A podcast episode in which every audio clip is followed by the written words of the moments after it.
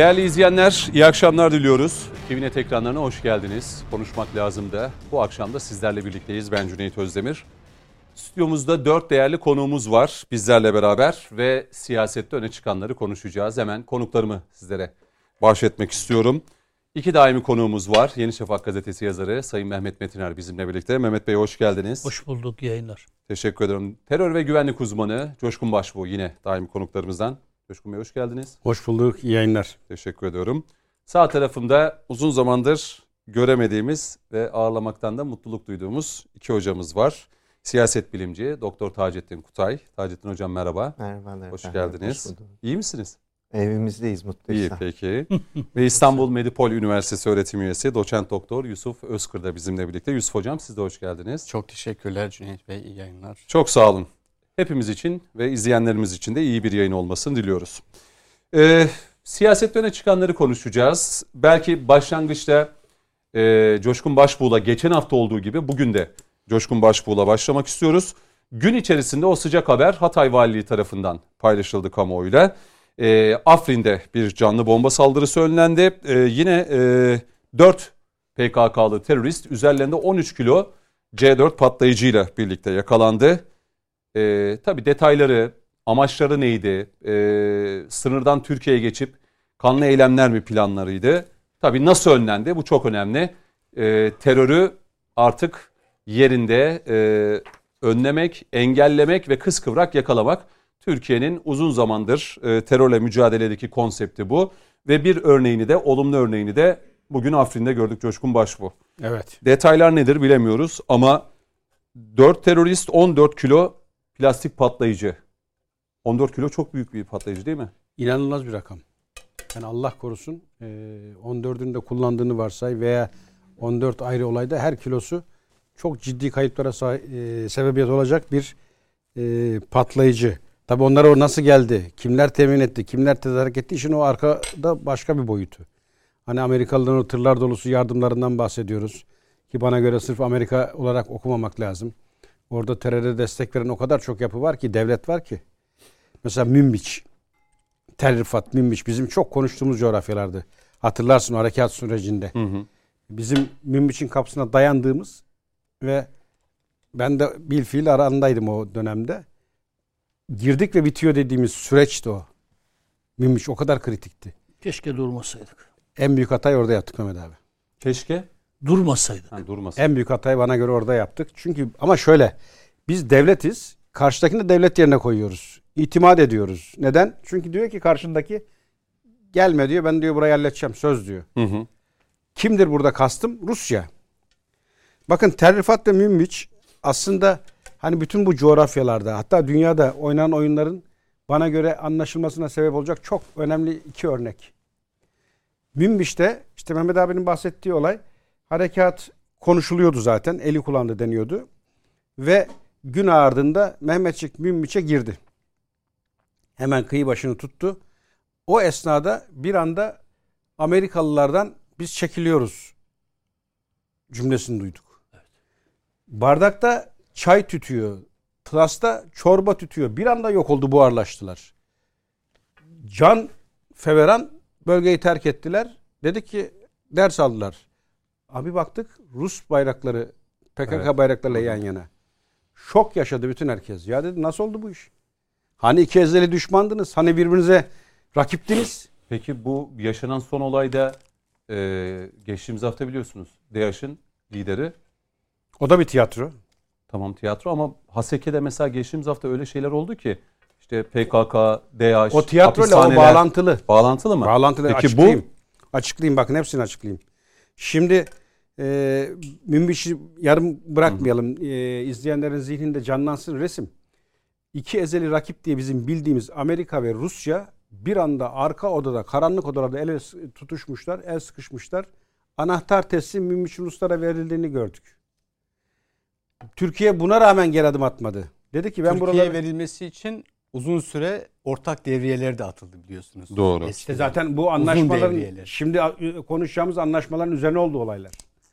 Ve Türkiye dedi ki ben dedi orada hatta Sayın Çavuşoğlu'nun açıklamasıydı. Biz dedi terörle mücadele ederken yanında kim varmış bakmayız dedi. O ara dünya medyası soruyor. İşte buraya girerseniz Amerikan askerleri var onlarla karşılaşacaksınız. Bu sizi ürkütüyor mu veya hani bu sizin için bir engel mi dediğinde Hı hı. Sayın Çavuşoğlu hem Rusya hem Amerika'yı kastederek biz terörle mücadele için yola çıktık. Teröristle mücadele ederken yanında kimin olduğuna bakmayız. Ezer geçeriz dedi. Şimdi biz o mantıkla hareket ettik. İki devlet birden bayrak kaldırdı. Amerika ve Rusya. Dediler ki kabul, teslim. Anlaşma imzalayalım. Biz senin istediklerini yerine getireceğiz. Biz de işte Mehmet abinin az önce ifade ettiği gibi durdurduk harekatı. Dedik ki tamam peki. Yanlış hatırlamıyorsam e, Ekim ayıydı. 17 Ekim Amerikalılarla 22 Ekim'de de Ruslarla. Bir Arap arayla. Bir 10, bir 13 madde. Mutabakat. Mutabakat imzaladık. Her şey de o kadar açık ve net ki. Hı hı. İşte ortak devriyelerden tutun saat verdik. 150 saat biri, 120 saat biri. Biz dediler bu saat içerisinde burada bir tane terörist bırakmayacağız. Tabii silahlı güçler burayı terk edecek. Bir tane kalmayacak dediler. E siz şimdi devlet olarak neye itimat etmek durumundasınız? Karşınızdaki devlete. Devlet yerine koyduğunuz yapılara. Diyorsun ki ulan koca Amerika, koca Rusya bu dünyanın böyle ulu orta e, bir meydanında herhalde e, rezil olmak istemezler. Verdiği sözü tutar. Buyurun gelin dedik attık imzaları. Bekliyoruz. Hatta e, bütün medya organları geriye saymaya başladı. 120 saat bitti, 80 kaldı, Evet. 70 kaldı, 50 kaldı. Saat bitti, süre bitti, gün geçti, hafta geçti, aylar geçti. Bırak oradaki teröristlerin biriktirilmesi, temizlenmesi tam tersi olan teröristler kat be kat artırıldı. Bakın Münbiç'te Afrin'e bugün konuştuğumuz o dört tane çapulcu Münbiç'te eğitim almış, orada yetiştirilmiş, orada donatılmış. Hı hı. E ben onun için bilerek başlık açtım. O patlayıcılara kimin verdiğine bakmak lazım diye. Rusya'nın sorumlu olduğu sahadan sızdı geldi. Nereye? Afrin'e. Ne için? Terör eylemi gerçekleştirmek üzere. Bakın örgüt eskiden şunu murat ederdi. Kitlesel eylemlerle kitlesel sonuç almak. 30 terörist, 40 terörist, karakol baskınları, köy baskınları. Şimdi tükendiği için bireysel eylemle kitlesel sonuç almaya yöneldiler. Nedir bireysel eylem? Canlı bomba veya bombalar aç. İşte bir e, hani Japonlarda kamikaze diye adlandırdığınız yapılanma tarzı bir saldırı. Afrin'de murat edilen o. Yelekler 14 kilo Hedef Afrin miydi yoksa sınırdan geçip Türkiye'ye girmek miydi? her şey olabilir. Şimdi soruşturma sürüyor. Yani biz olanı okuyoruz. Şu ana kadar elde edilen bilgiyi okuyoruz. Bu e, ciddi bir miktar patlayıcı miktarı. O nedenle dedim hani 14 tane ayrı eylemde kullanmış olsan yer yerinden oynar diye. Şimdi burada başarabilirse ülke içerisine sızmak var mıdır hedefin içerisinde? Onu ilgili makamlar soruşturmada biliyor. Hı hı. E, yalnız e, burada ben Afrin'in ve diğer üzerine son dönemlerde İran e, düzeltiyorum Suriye'nin kuzeyinde konuştuğumuz bölgelerin maksatlı seçildiğini özellikle vurgulamak isterim. Nedir maksat burada? Şimdi biz bir koridor oluşturduk. Ve dedik ki güvenli koridor 40 kilometre derinlikte. Şimdi bu koridoru biz oluşturmam diye canhıraş bir saldırıyla karşılaştık. Bel altı, bel üstü her türlü oyun oynandı. Ve ona rağmen sen burayı belli bir noktaya getirmişsin. Buranın kamu kurumlarını yapılandırmışsın, güvenlik teşkilatlarını kurmuşsun, okullar başlamış, e, günlük yaşantı dönmeye başlamış. Ve bunun sonucu sen bunu kendi ülkendeki topraklarına edilen Suriyeli kardeşlerimiz geri dönsün diye yapmışsın. Hı hı. Bırakın buradakilerin geri dönmesini bir de Suriye tarafından kendini güvende hissetmeyip de buraya kapağı atmak isteyen tonla Suriyeli peydahlanmış. Şimdi bu karşı için büyük tehdit. Oyun bozuluyor, oyun yıkılıyor. Domino etkisiyle aşağı doğru ya bu iş giderse. Çünkü tabana ya kalabalığa karşı koyacak Allah'tan başka güç yok. E şimdi bu nasıl durdurulmalı? Senin güvenli diye e, konumlandırdığın bölgeyi yeniden kaos, yeniden terör, yeniden güvensiz bir bölgeye dönüştürerek olur. Bütün saldırıların altında yatan niyet bu. Afrin'de pazar yeri patlama hani bu eylemde o e, hedef edildi. Allah korusun 30 ölü, 40 ölü, çoluk çocuk, sivil hiç önemli değil. Yeter ki çok kan aksın, yeter ki çok kişi katledilsin. Böyle bir tabloda Türkiye'nin o bölgedeki pozisyonu, şu an ülkedeki terörle mücadele gelmiş olduğumuz e, süreçteki hasarı Pozitif hava. siz değerlendirin. Hı. Yani burada amaç e, terörle mücadelede şu an gerçekten dünya hayrette ve büyük bir e, gıptayla seyrediyor. E, hiç kimse 15 Temmuz'dan sonra bugünleri hayal edemez. Hele ki Irak'ta, hele ki Suriye'de artık belli bir noktaya işi getireceksin. Doğru. Doğru. Hiç kimse hayal edemezdi. Bunlar hep oldu, oluyor. İşte bu havayı terse döndürmenin tek yolu Bu durun tür- kardeşim terör filan bitti yok. Hala dimdik ayaktayız. Bakın eylem yapacak güç kudretteyiz. Aha bu kadar da can kaybı. Dedirtmek. Doğru. Allah muhafaza. Allah Bu korusun. konuda e, diğer konuklarımızın ekleyeceği bir şey var mı? Yoksa yani bir ben şey açılışta tabii buyurun. Şimdi e, bizi bekleyen gündemlerin neler olduğuna dikkat edecek olursak birincisi yani korona bir bu Covid pandemi süreci bir e, sistemi fabrika ayarlarına çevirme süreciydi. Önemli oranda bir ekonomik akümülasyon süreci önüne dönüştüğünü gördük. E, ham madde ve transport ağları yeniden dizayn ediliyor. Nijerya'da Türk gemilerine saldırılıyor korsanlar tarafından falan. Şimdi hal böyleyken yeni bir dizayn sürecinde şu kapitalizm kendini yeniden var ederken bir takım şeylerle karşılaşıyoruz. Bunlar neler? Birincisi Birleşik Arap Emirlikleri ile biz uzun süredir aramızdaki münazaya son vermeye karar verdik. Biz vermedik. Onlar Hmm. küslerdi barışmaya karar verdiler. Fakat bildiğimiz şu Temmuz ayından beri Suudi Arabistan'da Birleşik Arap Emirlikleri'nin arası çok kötü. Yani hiç iyi e, rüzgarlar esmiyor. Biz iki ülkeyle biraz daha normalleşmeye başladık ama iki ülke Biz onların arasının çok iyi Hmm. olmadığını biliyoruz ve aradaki görüşmelerde e, Birleşik Arap Emirlikleri'nin Suudi Arabistan'dan yana yakınmasının bunların çok radikal bir e, yapılanmaya Orta Doğu'da bir şekilde finanse ettikleri falan şeklinde söylemler olduğu geliyor kulağımıza sağdan soldan. Sağdan soldan geliyor. Ama bir de çok önemli bir başlık var. Herzog geliyor Türkiye'ye. İsrail Cumhurbaşkanı Herzog geliyor. Şimdi hocam ee, ve İsrail doğalgazı Cumhurbaşkanı Erdoğan dedi ki kullanırız da transportuna da yardımcı da oluruz ve Amerika Ama biliyorsun. en önemlisi Irak doğalgazı. Tabii. Yani Barzani bölgesinden bize gelecek getirilecek olan doğalgaz o çok çok da Tabii. önemli. Maliyeti yarı yarıya indiren. Tabii. Bir sonraki adım olarak da onu zikredebiliriz. Burada mühim olan hadise şu hocam. Ee, Rusya 2005 yılında en son o kartı kullandı Avrupa'ya karşı. Ukrayna bana olan gaz borcunu ödemiyor, vanaları kapatırım dedi. Avrupa'da millet tir tir titredi. Şu şey içinde, şu gerilim içinde Türkiye ile yapılacak görüşmeler öncesinde nereden, şimdi bayram değil, seyran değil, nereden çıktı bu hadiseler? Biliyorsunuz bunlar diplomaside elinizi düşürmek için yapılan şeyler. Her şeyden evvel. Ben burada iki şeyin murad edildiğini düşünürüm. Bunlardan birincisi bu. İkincisi ise yani Rusya'nın dominasyonunda olduğu kanaatindeyim her şeyden evvel bu. Yani e, önümüzdeki süreç bu yol kuşak hadisesi Rusya'yı çok etkiledi. Kazakistan boşa karışmadı. Rusya Ukrayna'da boşa hır çıkarmıyor.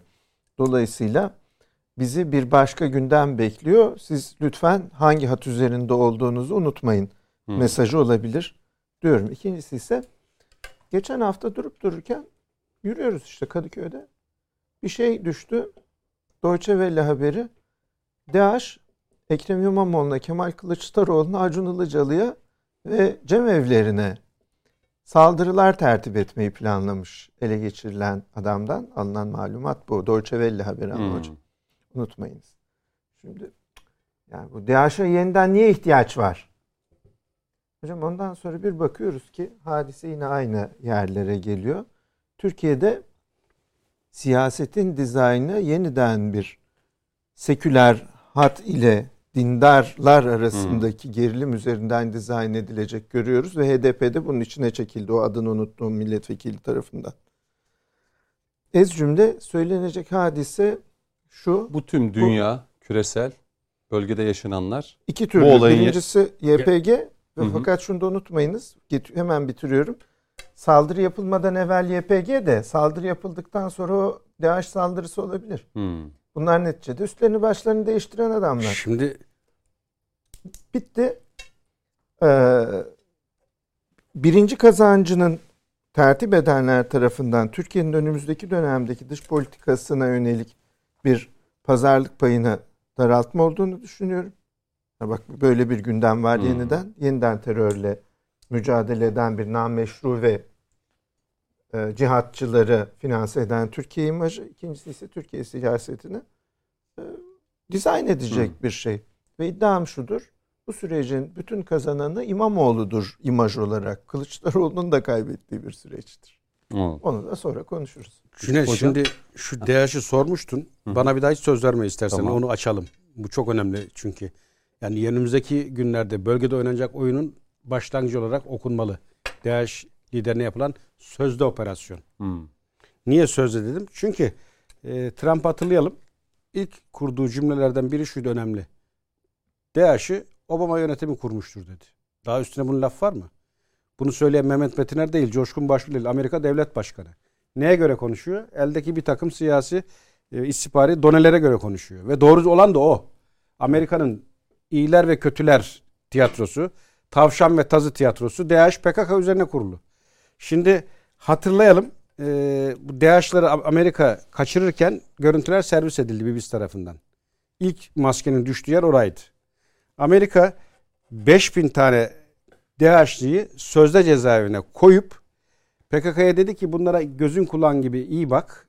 Ve sana emanet ediyorum. Gün ve saat kendi alacağım elinden kullanacağım dedi. Şimdi geçtiğimiz günlerde çok önemli bir yere temas ettin. Hani iki operasyonu birbirine bağlamak adına. Bir anda şu haberle uyandık bütün dünya kamuoyu. 300 tane DAEŞ'li, iki tane bombalı araç, bir de 300 tane adamın işlerinde silahlarla cezaevine bastı. Duvarlar yerle bir edildi. Oradaki bütün mahkumların hepsi de kaçıştılar sağa sola. Ve o kaçışanların gittiği yer Guadra diye bir bölgeydi. Ee, daha çok Sünni Arapların yaşadığı yer. Evlere daldılar.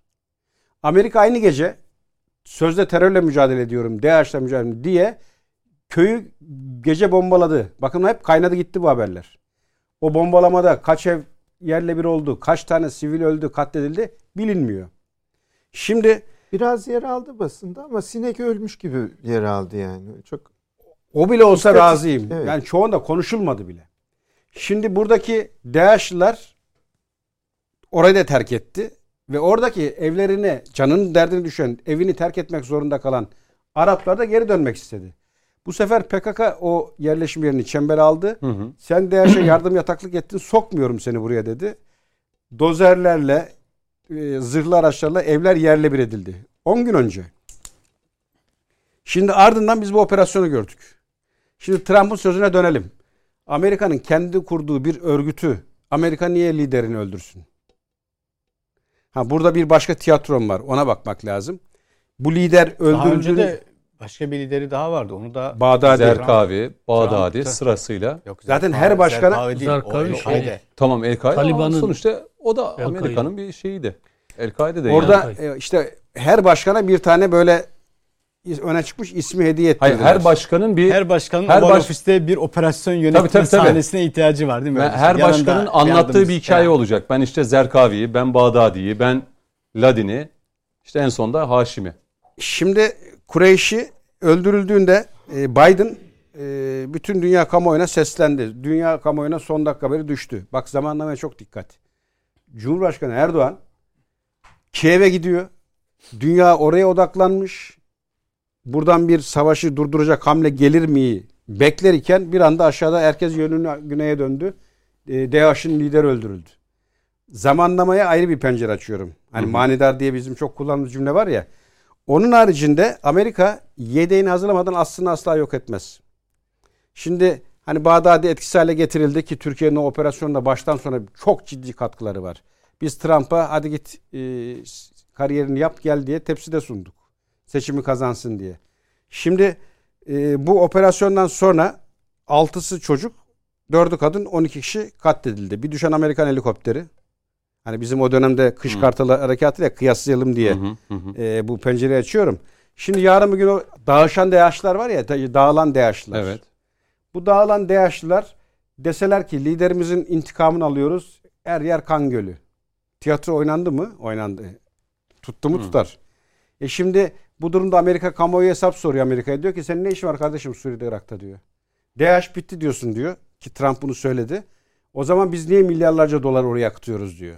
Onların da tek eldeki şey bu. Tutundukları dal bu DH. Hı hı. İşte bu tiyatroyu tekrar hortlatmak için büyük bir gayret var. Bunu bir kere altını çizmek lazım. Bakın Biden'ın operasyondan sonraki söylemlerine dikkat edin. PKK'yı yere göğe sığdıramadığı övgü dolu sözler hani DAEŞ'te bu yaptığım mücadelede e, yol arkadaşım diye anlattığı bir yapı Ve DAEŞ tehdidi de hala var. Bak mücadelemizde sürüyor masalı. Şimdi önümüzdeki günlerde biz bunu sıkça işiteceğiz. Yani bu tür Irak'ta, Suriye'de ya da ülkemizde de Allah korusun bu tür Bakın- böyle serseri mayınların ya serseri mayın gibi o kaçtı dediğiniz o DH'lar serseri mayın gibi dolaşıyorlar şu anda. Kesinlikle. Bakın HDP Bitirelim hadi birkaç. HDP'nin e, şununla bitireyim. Hı hı. HDP'nin son Kış Kartalı operasyonundan sonra açıklamasına bir dikkat edin. Orada FETÖ'nün yarım bıraktığı MİT tırları vardı. e, tezgah, Evet. alçaklık. Hı hı. Onun devamını getirecek cümleler kurdu. DH'a atıflar yapıyor. Bunlar Hı. boşuna yapılan atıflar değil. Geçen hafta konuşmuştuk hani o bildiride yer alan cümleler. Bu yapılan operasyon boşa yapılan bir operasyon değil. Cezaevindeki kaçanlar boşuna kaçmadılar. Yeni bir tiyatronun hazırlığı içerisinde olmalıyız. Bu patlama Irak'ta mı olur, Suriye'de mi olur, Avrupa'nın göbeğinde mi olur?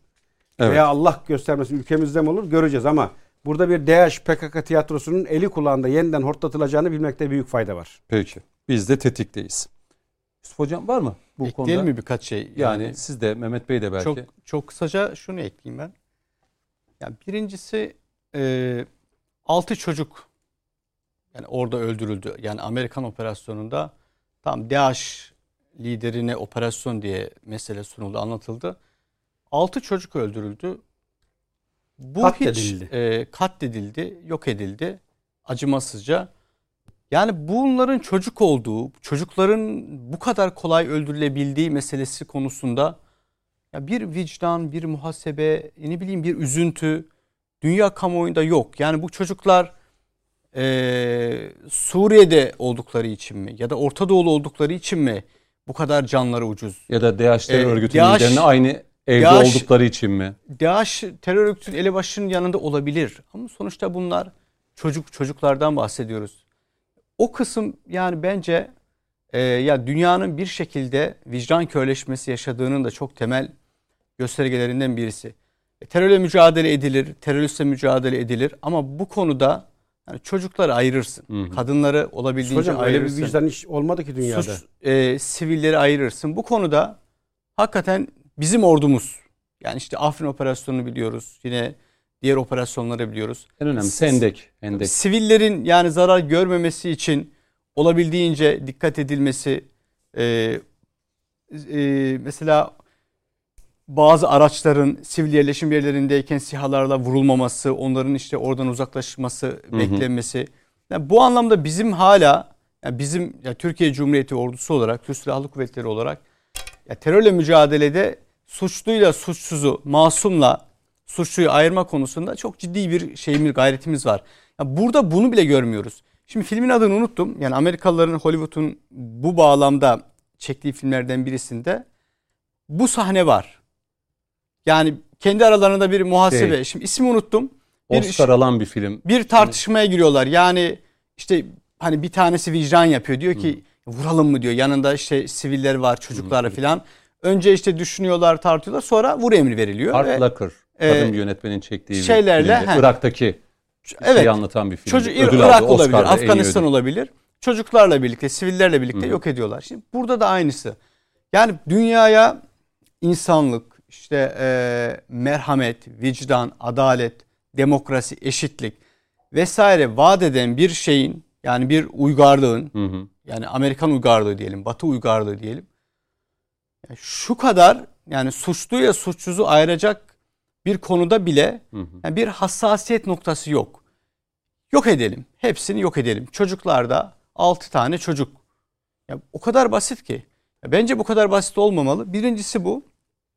İkincisi e, bizim açımızdan ilk en başta sorduğunuz soruya dönersek yani bu e, yakalanan Afrin'de. terör örgütü Hı hı. üyeleri konusunda. E, Şimdi Türkiye'nin burada Suriye'de oluşturduğu güvenli bölgeler e, ciddi anlamda sempati toplamaya başladı. Çünkü Suriye'de devam eden bir iç savaş boyutu var. E, belli bir mülteci akını var. Ama Türkiye burada e, belli bölgeleri güvenli bölge haline getirdi. Hı hı. Ve buralarda bir model oluşturdu. Bu model örnek aslında. Yani e, hem yönetim biçimiyle örnek, hem buralarda hastane hizmeti verilmesi açısından örnek, hem eğitim işte Gaziantep Üniversitesi'ne bağlı veya Kilis Üniversitesi'ne bağlı oralarda yüksek okullar var. Veya diğer işte piyasa koşulları gereği orada ne gerekiyorsa o konularda e, bir takım ihtiyaçlarını karşılaması anlamında model. Türkiye orada bir model oluşturmuş durumda ve bir bu sempati topluyor.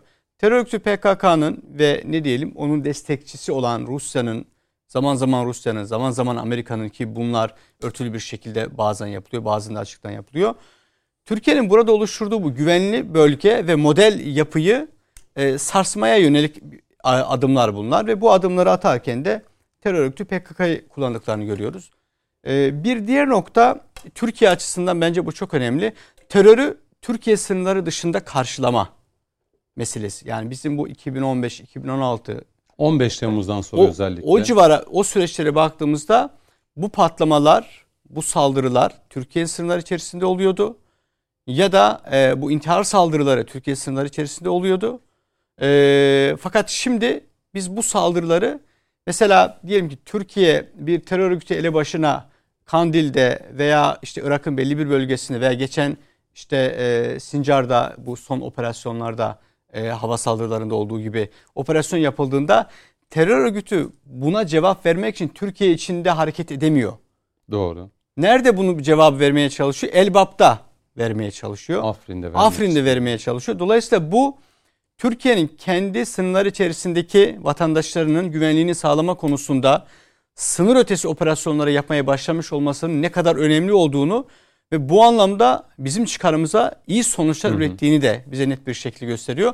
Ama tabii ki Türkiye'nin hedefi, amacı dışarıda da yani kendi e, model olarak ortaya koyduğu e, o güvenli bölge oluşturmaya çalıştığı yerlerde de terör örgütü PKK'nın bu tür girişimlerini, saldırılarını engellemek olduğunu söyleyebiliriz. Peki. Sayın Metiner siz ekleyeceğiniz var mı yoksa? Yani üç aşağı beş yok. Ben başka bir şeyler konu söyledik. başlığına geçeceğim. Sadece şu e, kısma dikkat çekmek isterim. Bugün Türkiye'de bugün Türkiye Suriye'nin kuzeyinde, Irak'ın kuzeyinde olmamış olsaydı terör bütünüyle Türkiye'nin içinde olacaktı. Son kertede siz Türkiye'yi e, şey tutamazdınız. Hele bu pandemiden hmm. kaynaklı ekonomik sıkıntılarla birlikte üstüne bir de terör tehdidinin bindirilmesiyle beraber çok farklı bir tablo ortaya çıkacaktı. Dolayısıyla şuna Türk milleti, Türk toplumu dikkat etsin. Tezkere hayır diyenlerin aslında Suriye'nin kuzeyinde ne işimiz var diyenlerin, işte Irak'ta ne işimiz var diyenlerin, işte teröristle mücadele ettiğinizde, terörizmle mücadele ettiğinizde ya bunun barışla e, şey olma yani yok mu diyenlerin. Hı hı. İşte geçen bir asubay çavuşumuz, evladımız şehit edildiğinde CHP'nin eski genel başkan yardımcısı şimdinin İstanbul milletvekili ismi en e, lüzumlu olmayan biri o yüzden almak istemediğim biri e, şunu söyledi fotoğrafın üstüne seni yaşatamadık barışamadık çözemedik hmm. seni yaşatamadık yani siz terör örgütüyle mücadele ederken terör örgütünün öldürdüğü şehit ettiği bir e, askerimizin fotoğrafının üstüne bu yazılabilir yani sanki e, biz sorunu çözemediğimiz için bu insanlar ölüyorlar. Yani bizden dolayı ölüyorlar. Terör örgütünü suçlamak yerine bu sorunu çözemediğimiz için e, yani onların tabiriyle tırnak içinde hı hı. Kürt sorunu çözemediğimiz için bütün bu ölümler ölümlerin de müsebbibi bizmişiz gibi bir algı oluşturmaya çalışıyorlar. O yüzden e, bitirirkenki cümlem şu olsun. Ey milletim tezkereye kim hayır dediyse e, onları böyle önüne koy. Tezkere hayır diyen partiler önüne koy. Suriye'deki tezkere. Ve eğer bugün Türkiye oralarda olmamış olsaydı her gün terörün içimize çok korkunç boyutlarda taşınacağını gör ve 2023'e doğru giderken e, neyi oylayacağına kendin karar ver. Çünkü e, siyasal partiler üzerinden bir oylama yapılmayacak. 2023 seçimlerinde bence ee, kim bunu küçümseyerse küçümsesin. Çok anlamı yok. Türkiye'nin e, yani devletin beka meselesini hı hı. bir de milletimizin birlik meselesini konuşacağız. E, bu çok önemli. Yani tezkere hayır diyenlerin kim olduğuna bakılarak yapılacak olan bir analiz Türkiye'nin beka ve e, milletin birlik e, anlayışı açısından çok önemlidir. Eğer e, Yusuf Hocam da değindi. Diğer arkadaşlar da Coşkun kardeşim, Taceddin kardeşim de değindi. Bugün terör eskide olduğu gibi içimizde e, yani dışarıdaki gibi bile olamıyorsa bu terörle mücadelede yaptığımız başarılı mücadelelerin sonucudur. Hı hı. Bir de orada bulunmaklığımızdan kaynaklanan, oradaki gücümüzden kaynaklanan ve gerektiğinde de e, operasyonel askeri gücümüzün e, kendisinden kaynaklanıyor. E, birileri işte bunu sekteye uğratmak istiyor. Yani tezkere eğer meclis tezkere geçmemiş olsaydı var ya AK Parti ile e, MHP'nin Cumhur İttifakı'nın mecliste çoğunluğu olmamış olsaydı, Hı hı. tezkere geçmemiş olsaydı sınır ötesindeki bütün askerlerimizi biz sınırımızın 150 metre derinliğine kadar inip operasyon yani biz sınırlar tehdidi oradan geri çekilecektik ve o, o bölgeler tekrar PKK'nın e, askeri siyasi kontrolüne geçecekti ve ondan sonra tekrar sınırlarımızdan içerisine bu içine bu terör tırmanıyor. Suriye'deki bir tek zaafımız şu, eksiğimiz şu. Bizim zaafımız değil ama konjonktürden kaynaklanan nedir? bir şey bu. Hava sahasının Hmm. e, Rusya tarafından denetleniyor olması, Rusya'nın iznine tabi bir takım e, du- bir, bir durumun e, e, ortaya çıkmış olması. Kuzey Irak'ta bu yok. Siz buradan gidiyorsunuz, vurup geliyorsunuz yani.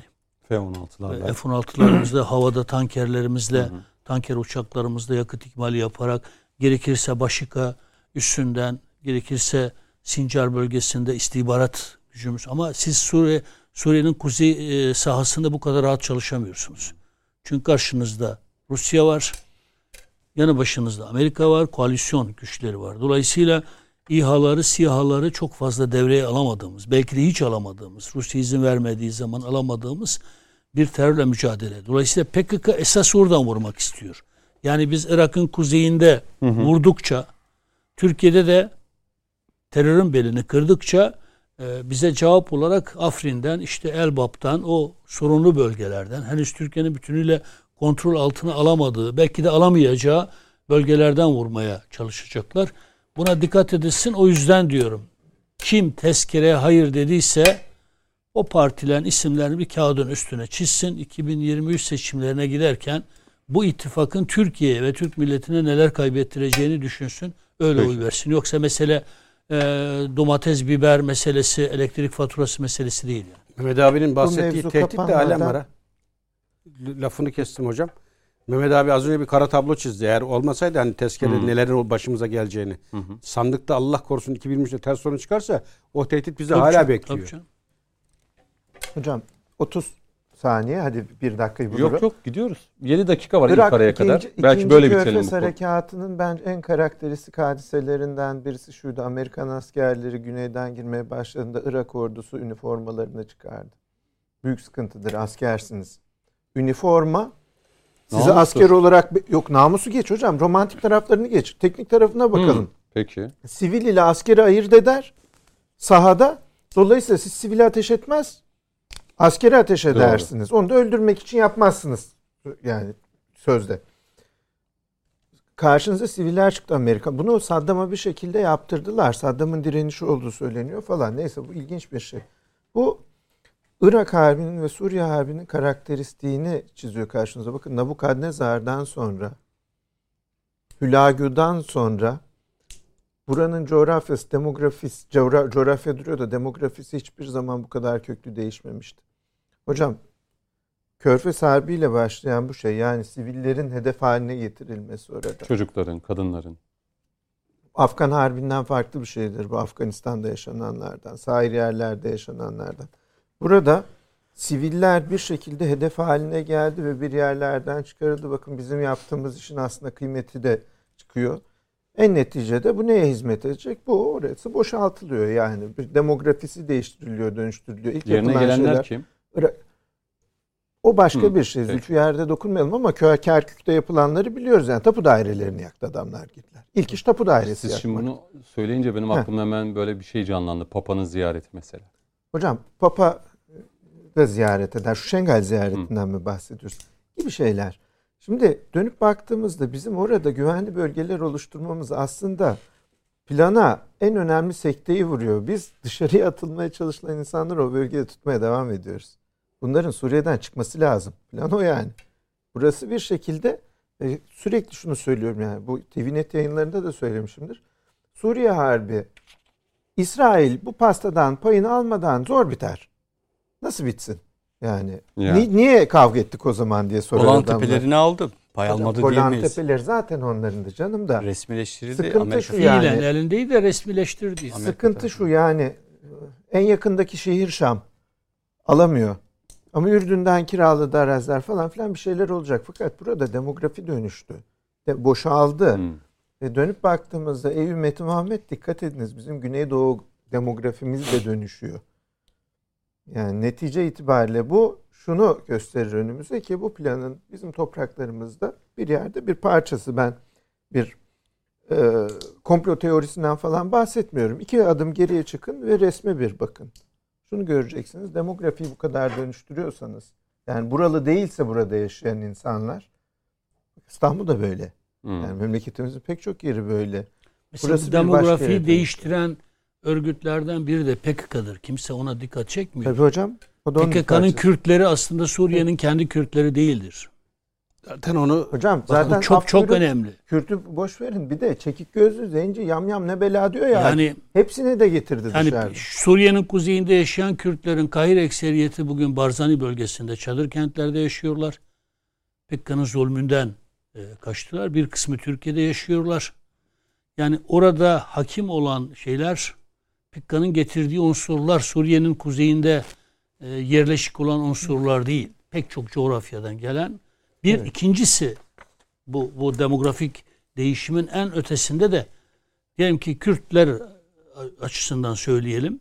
e, Kürtlerin kadim gelenekleri, değerleri yerle bir edildi. Ya PKK ile birlikte yani ast üst ilişkisi, sevgi, saygı 13 yaşındaki çocuk 80 yaşındaki adama heval yani arkadaş böyle talimat veren silahıyla dolayısıyla o, e, o dindarlığın ötesindeki o kadim böyle insani değerlerin hepsi ya PKK'nın o seküler, laikçi yapısı o ayrı bir şey. Ama yani orada demografiyle birlikte aslında toplumların hepimizi bir arada tutan o manevi, moral değerlerin tahriba söz konusu ki bu bence çok bilerek yapıldı. Zaten Hı. Amerika'nın PKK'ya bu kadar çok sahip çıkmasının sebebi de bu. Sadece askeri olarak orada bir şey yapmaya çalışmıyor. O zaman ona bir örnek şey aklıma Afganistan'da onu başardı mı demografik yapıyı tamamıyla değiştirdi? Mesela Afganistan hep konuşulur bu konuda. Afganistan'da kuzey kaldı. olduğu gibi değişti. Afganistan'ın kuzey olduğu gibi değişti. Peştunların yaşadığı yer belliydi. Hı hı. Kuzeyde de daha çok ağırlıklı Türklerin olduğu bir yer vardı. Hazaralar. Onların hepsi şu an değişti ama Hı. e, burada bu işin esas tohumu Suriye Irak'ta atıldı. Az önce bir örnek verdim bakın. Daha 10 gün önceki olayı. Sünni Arapların yaşadığı bir köyden bahsettim. Şu an o köyde artık o Sünni Araplar yok. Hı, Yok. Şimdi az önce güzel bir soru sordun. Kimler geliyor peki dedim boşaltılan yerlere. Evet. Onun adını koyabilen de yok. Kürt desen Kürt değil. Arap desen Arap değil. Türk desen Türk değil. Ucube bir yaratık, bir kitle oluşturuldu. Cani, gözü dönmüş, hayvandan aşağı, hiçbir değer yargısı olmayan, sadece katletmeye yönelik para ve silah. Anladım. Dini imanı bu. Böyle bir kitle. Kitle oraya yerleşti. Ama e, Sayın Araya gideceğim. Dışişleri Bakanı gene geçtiğimiz günlerde e, epey oldu. Bir iki yıl önce. dedi ki hani bu işte koridorda bir çalışma yapalım. Bizim model köyler hatırlarsan Cumhurbaşkanı böyle Evet. bütün liderlere dağıttı. Bir ilk başta olumlu bir, Bir, hava esti. Birket evler. Evet. Ama dedi Dışişleri Bakanı hiç unutmuyorum. Elinde böyle bir dosya. Ona göre, sizdeki listeye göre değil, bu listeye göre dönecek insanlar dedi. Bizde burada hangi köyde kim var hepsi yazılı dedi. Buyurun. Neyi kastetti orada? Buranın hepsinin topraklarının ettiniz. Biz burada hangi evde Kürt, hangi evde Türk, hangi evde Arap yaşıyor biliyoruz ve o insanlar topraklarına geri dönecek dedi. Oyunu biliyoruz dedi. Bu önemli. Şu an maalesef oyun hala böyle Peki. kirli bir e, akışta Şimdi bu bölümü Devam edip gidiyor. bitiriyorum. Ee, araya gideceğim. Ee, bir soru sorayım. Karşılığında tek bir kelime alarak Yusuf Hocam, Sabi Kanadoğlu tek bir kelime. Gözlük. Devamı reklamlardan sonra diyeceğim Yusuf, Yusuf Hocam. 367. Taceddin Hocam. Gözlük. Gözlük. Coşkun Başbu. Sabi enteresan bir Kanadoğlu. kişilik. Tek kelime. Enteresan. Sayın Metiner. Hiç. Hiç. En iyi soru. Tam konuşmayacağız o zaman başka konuya geçelim. Araya gidelim efendim. Dönüşte devam edeceğiz.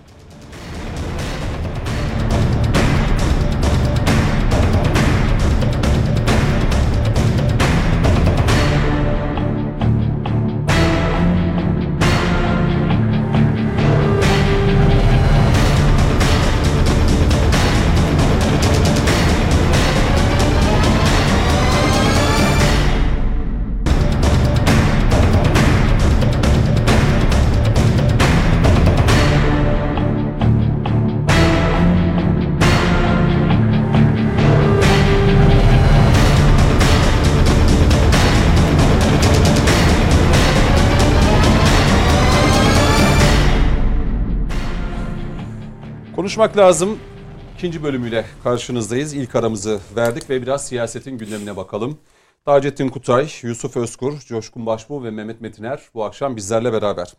Araya gitmeden önce Sabih Kanadoğlu'nu tek kelimeyle anlatır mısınız dedim. Yusuf Hocam 367, ee, Taceddin Hocam Gözlük. gözlük dedi, enteresan dedi Coşkun Başbuğ ve Sayın Mehmet Metiner de hiç dedi. Ben bu tek kelimeler üzerinden konuklarıma soracağım. Yani biraz açmalarını isteyeceğim. Çünkü 367 krizinde de yine Sabih Kanadoğlu vardı. Bugünlerde de Sayın Cumhurbaşkanı Erdoğan'ın üçüncü kez aday olamayacağını, e, bunun hukuken mümkün olmayacağını e, söylüyor. Ve bir kez daha buradan e, siyasi bir kriz, e, devşirme peşinde olanlar var. Hatta CHP'den de bir çıkış oldu. Erdoğan aday olmaz. Yani hukukçular tartışıyor. Özellikle muhalif tarafta e, ta- taraftarın hukukçuları bunun mümkün olamayacağını söylüyor. Şimdi biz bunu bir konuşalım. E, Mehmet Metiner'le başlayalım. Sabi Kanadoğlu'nu tek kelimeyle anlatın dedim. Hiç dediniz. Hiçin Konuşacak içini şey açarak. yok. Yani evet hiç dedikten sonra Hukuken hiç yani. Hukuken yok. hiç yok dedikten hükmünde. sonra pek de hani biraz açmanızı isteyeceğim Sayın Yani Metiner. hukuken yok hükmünde, hiç hükmünde hukuku hiç e, e, hiçleştiren e, bir zatına muhterem e, e, bir, bir anlamda da siyaseten karşılığı hiç olmayan biri ama hala kendisinden medet umulan biri. Yani e, yani Türkiye'de hiçlerin bu kadar çok e, başat rol oynayabilmiş olmaları da hukuk sistemimiz açısından da siyasetimiz açısından da gerçekten enteresan yani. Coşkun kardeşimin dediği gibi çok enteresan. Ama hiç dediğiniz kişinin Türkiye'de bir karşılığı tabanı var mı? Alıcısı var E, mı? mutlaka vardır yani e, Hindistan'da ineğe tapanların da karşılığı var. Yani soğana taparsanız gene kendinize mürit toplarsınız yani. Ama hukuk katliamcısı bir insan yani Sabi Kanadoğlu ne kıymet harbiyesi var Allah billah aşkına. Yani onu konuşuyor olmak bile ona paya vermektir. Niye konuşuyor peki? E niye konuşuyor? Çünkü kendini gündemleştirmek istiyor. Yani ne, ne diyecek? Kim takar Sab- Sabri Kanadoğlu? Yani. Türkiye'nin tarihi yazıldığında var ya utançla anılacak bir insan ya. Ya düşününüz ki bir yere kadar geliyorsunuz. Bir sistem var. Teamül var. Hukuk var. Herkes mecliste bu şekilde seçiliyor. Tam siz herkesin seçildiği usulle seçmeye kalkışıyorsunuz. Hayır efendim 367. Gözlük çünkü. Bu yani şimdi bu, bu adamın neresi anlamlı, neresi değerli ya? Operasyon adamı. Tam bir operasyon adamı. Türkiye'yi de hiçleştirmeye çalışan bir e, operasyon adamı yani. Baş çevrilen. Ha karşılığı yok mudur? Vardır. Hala işte herhalde bir gazetede köşe yazdırtıyorlar. Bilebildiğim kadarıyla. Çok enteresan bir şey yani. İstiklal mahkemelerindeki e, o hakimler yani e, şey savcılar neyse istiklal mahkemelerinin üyeleri neyse Sabi Kan- Kanadoğlu'nun hukukçuluğu da o kadardır yani. Yani şimdi kalkıyor e, Sayın Erdoğan'la ilgili tekrar yeni hezeyanlarda bulunuyor. Üçüncü defa aday olamaz. Ya kim dedi üçüncü defa olduğunu? Bir sistem değişikliği olmuş. Yeni bir Daha anayasa. adaylık da açıklanmamış. Benim bildiğim hiçbir kanun geriye doğru işlemez yani. Ben hukukçu değilim. İyi ki de Sabi Kanadoğlu gibi bir hukuk formasyonum yok. Çok çok şükür ki yok yani. Böyle bir hukuk formasyonum olacağını hiç olmasın daha iyi. Ama şunu bilirim. Bir kanun geriye doğru işlemez ya. Ama bu ülkede işletilmedi mi? İskilipli Atıf Hoca. Yani şapka kanuna muhalefetten. Yani yazdığı kitap kanun kabul edildikten yıllar önce yazılmış bir kitap. İşte dar ağacına gönderildi. Şimdi Sabik Anadolu da öyle yapıyor ve Sabik Anadolu gibi düşünenler de öyle yapıyor. Ya yeni bir anayasa, yeni bir sistem değişikliği olmuş ya. O dönem bu 367 krizi çıktığında Sayın Metiner e, bu milletin nezdinde geri tepti. Hatırlayalım. E tepti evet ama işte Anayasa Mahkemesi kabul etti. Evet. Bir de bir anayasa mahkemesi. Ya bu yani zaten Türkiye'de Anayasa Mahkemesi sorunu çözmediğimiz sürece hukuk yerli yerine oturmaz. Oradaki arkadaşlarımız bazen güceniyorlar bize. Ya kendileri bir yere oturdukları zaman zannediyorlar ki sistem çok iyi. Yani sevgili başkan da gücenmesin. Yani biz birbirimizin kardeşiyiz. Zühtü Arslan Yani için mi? kimsenin şahsi için söylediğimiz bir şey ama sos sistem yanlış kardeşim. Anayasa Mahkemesi hala vesayet odağı gibi çalışan bir mahkeme. Hala öyle. Hala. Tabii ki canım yani bir vesayet organı yani. Çünkü kuruluş şeyi o. Yani anayasanın kendisine biçtiği rol o. Bu arkadaşlarımızdan kaynaklanan bir durum değil. Hala kendini gerektiğinde yerel mahkemelerinde üstünde, meclisinde üstünde görebiliyor. Bunu yaptığı andan itibaren aslında kendi rolünü oynamış oluyor yani. Hmm. Şimdi biz bazen kızıyoruz ama anayasanın kendisine verdiği rol bu. Görev bu. Bir vesayet organı. La yüsel insanlar. La yüsel insanlar. Ya böyle bir şey olmaz ki. Demokrasilerde böyle bir sistem olması. Yani darbeler sonrası oluşturulmuş bir vesayet sisteminin çok önemli bir aparatı. E bunu değiştirelim dediğimiz zaman da birileri Kızılca kıyamet kopartıyor. YÖK hala bir hilkat garibesi olarak duruyor. Allah billah aşkına ya. Yani e, bunun gibi Sabik Anadolu'nun hükmettiği hukuk sistemi. Ya sabah akşam biz bunları dinliyorduk ya.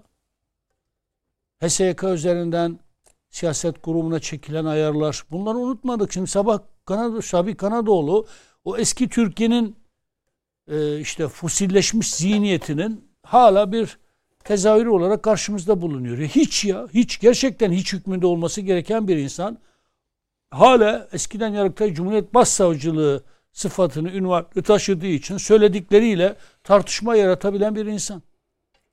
Eminim ki şu an bizi izliyorsa çok büyük bir memnuniyet duyuyordur ya. Nisyana terk edilmesi gereken bir insanı biz televizyon ekranlarında konuşuyoruz. Yani söylediğini ciddiye alıp ciddi ciddi konuşuyoruz. Geçtiğimiz günlerde eski Cumhurbaşkanı Ahmet Necdet Sezer'in de yine açıklaması oldu. Uzun yıldır, yıllardır konuşmuyordu. Yine bu minvalde yani. Çünkü 2023 Türkiye'nin kader seçimi. Arkadaş, Ses tonunu hatırlayan var mı aramızda Ahmet Necdet Sezer'i? ben hiç kırmızı ışığı hatırlıyorum ben.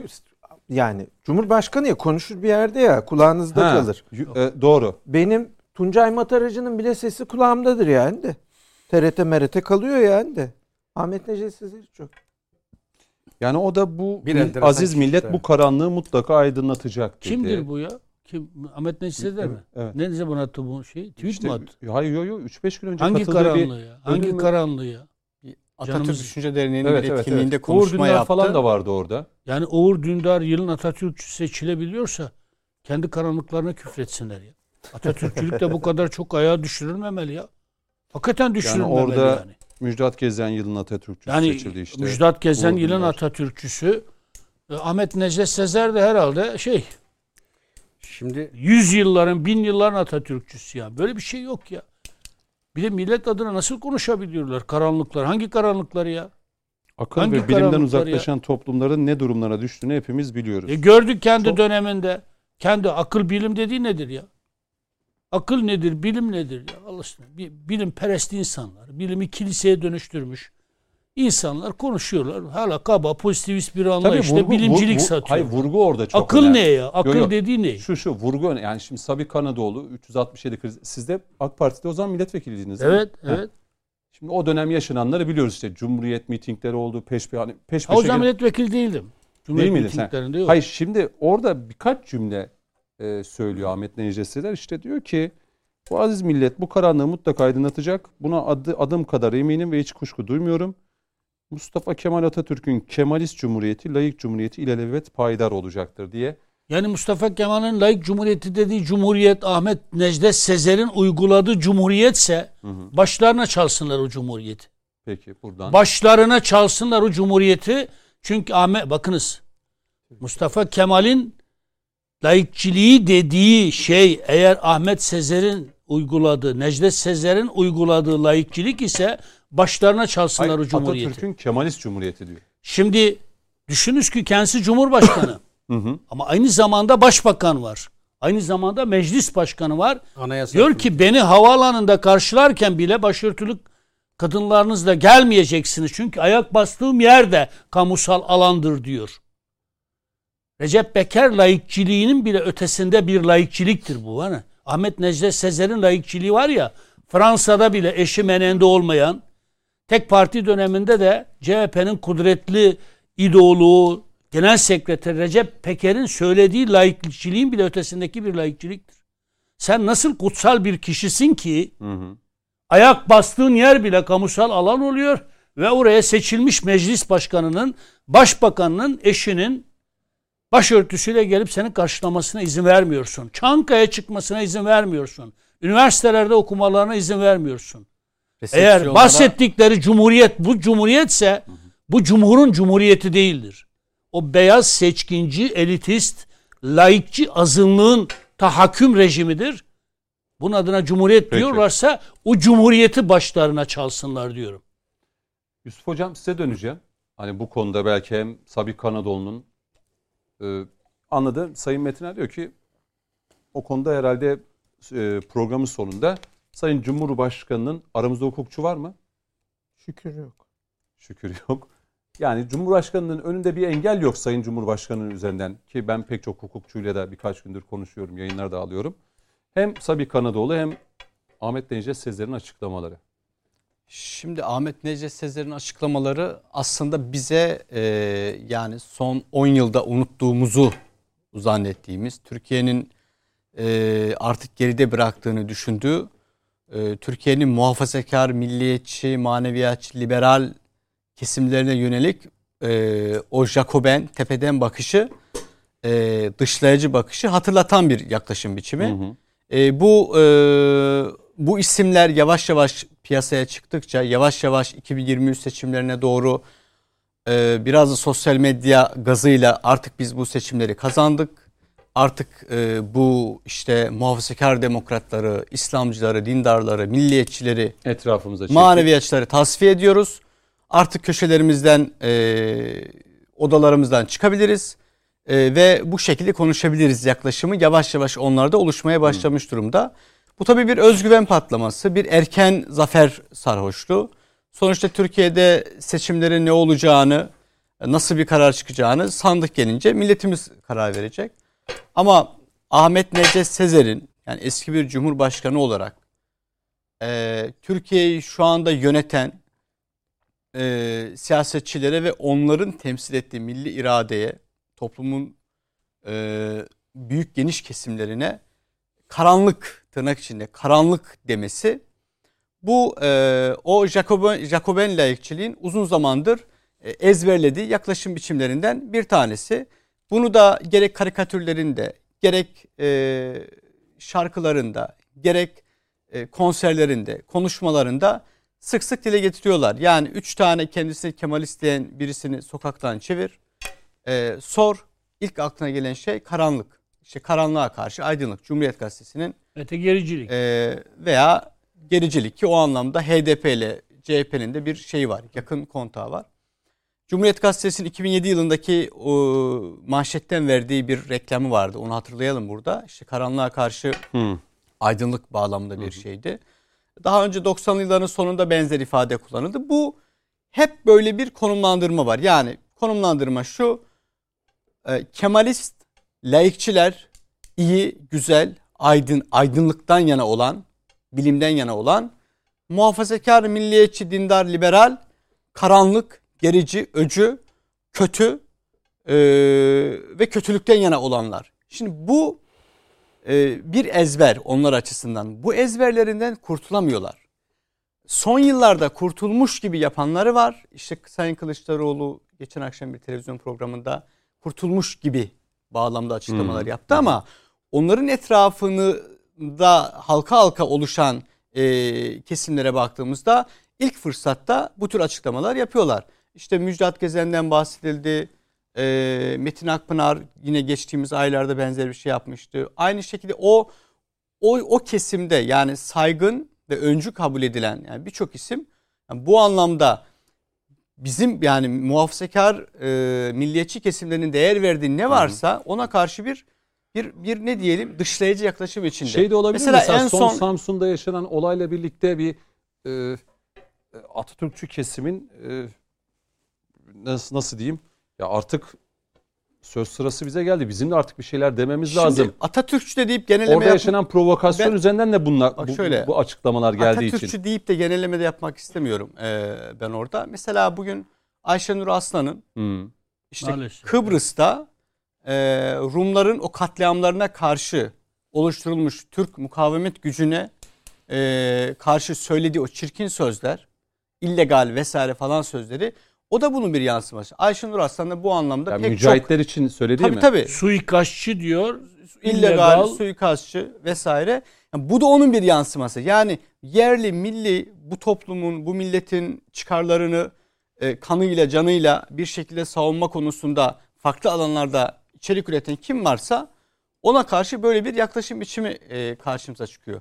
Şimdi şöyle Atatürkçü e, diyerek orayı genişletmemek gerekiyor. Çünkü pek çok işte Milliyetçi Hareket Partisi'nde var, AK Parti'de var, e, Vatan Partisi'nde Ne var. diyelim bunları? Pek çok. Yani bunlar e, kendilerini e, toplumun yöneticisi pozisyonunda gören, e, kültürel anlamda iktidar sahibi olduğunu düşünen, Atatürk'ü kendileri için bir zırh e, olarak gören ve Atatürk'ün belli özelliklerini, yani Atatürk'ün belli özelliklerini ne diyelim e, parantez içinde e, kutsallaştıran, tanrısallaştıran Hı. ve on, onlar üzerinden topluma bakmaya çalışan bir şey. E, elit kesim bunlar.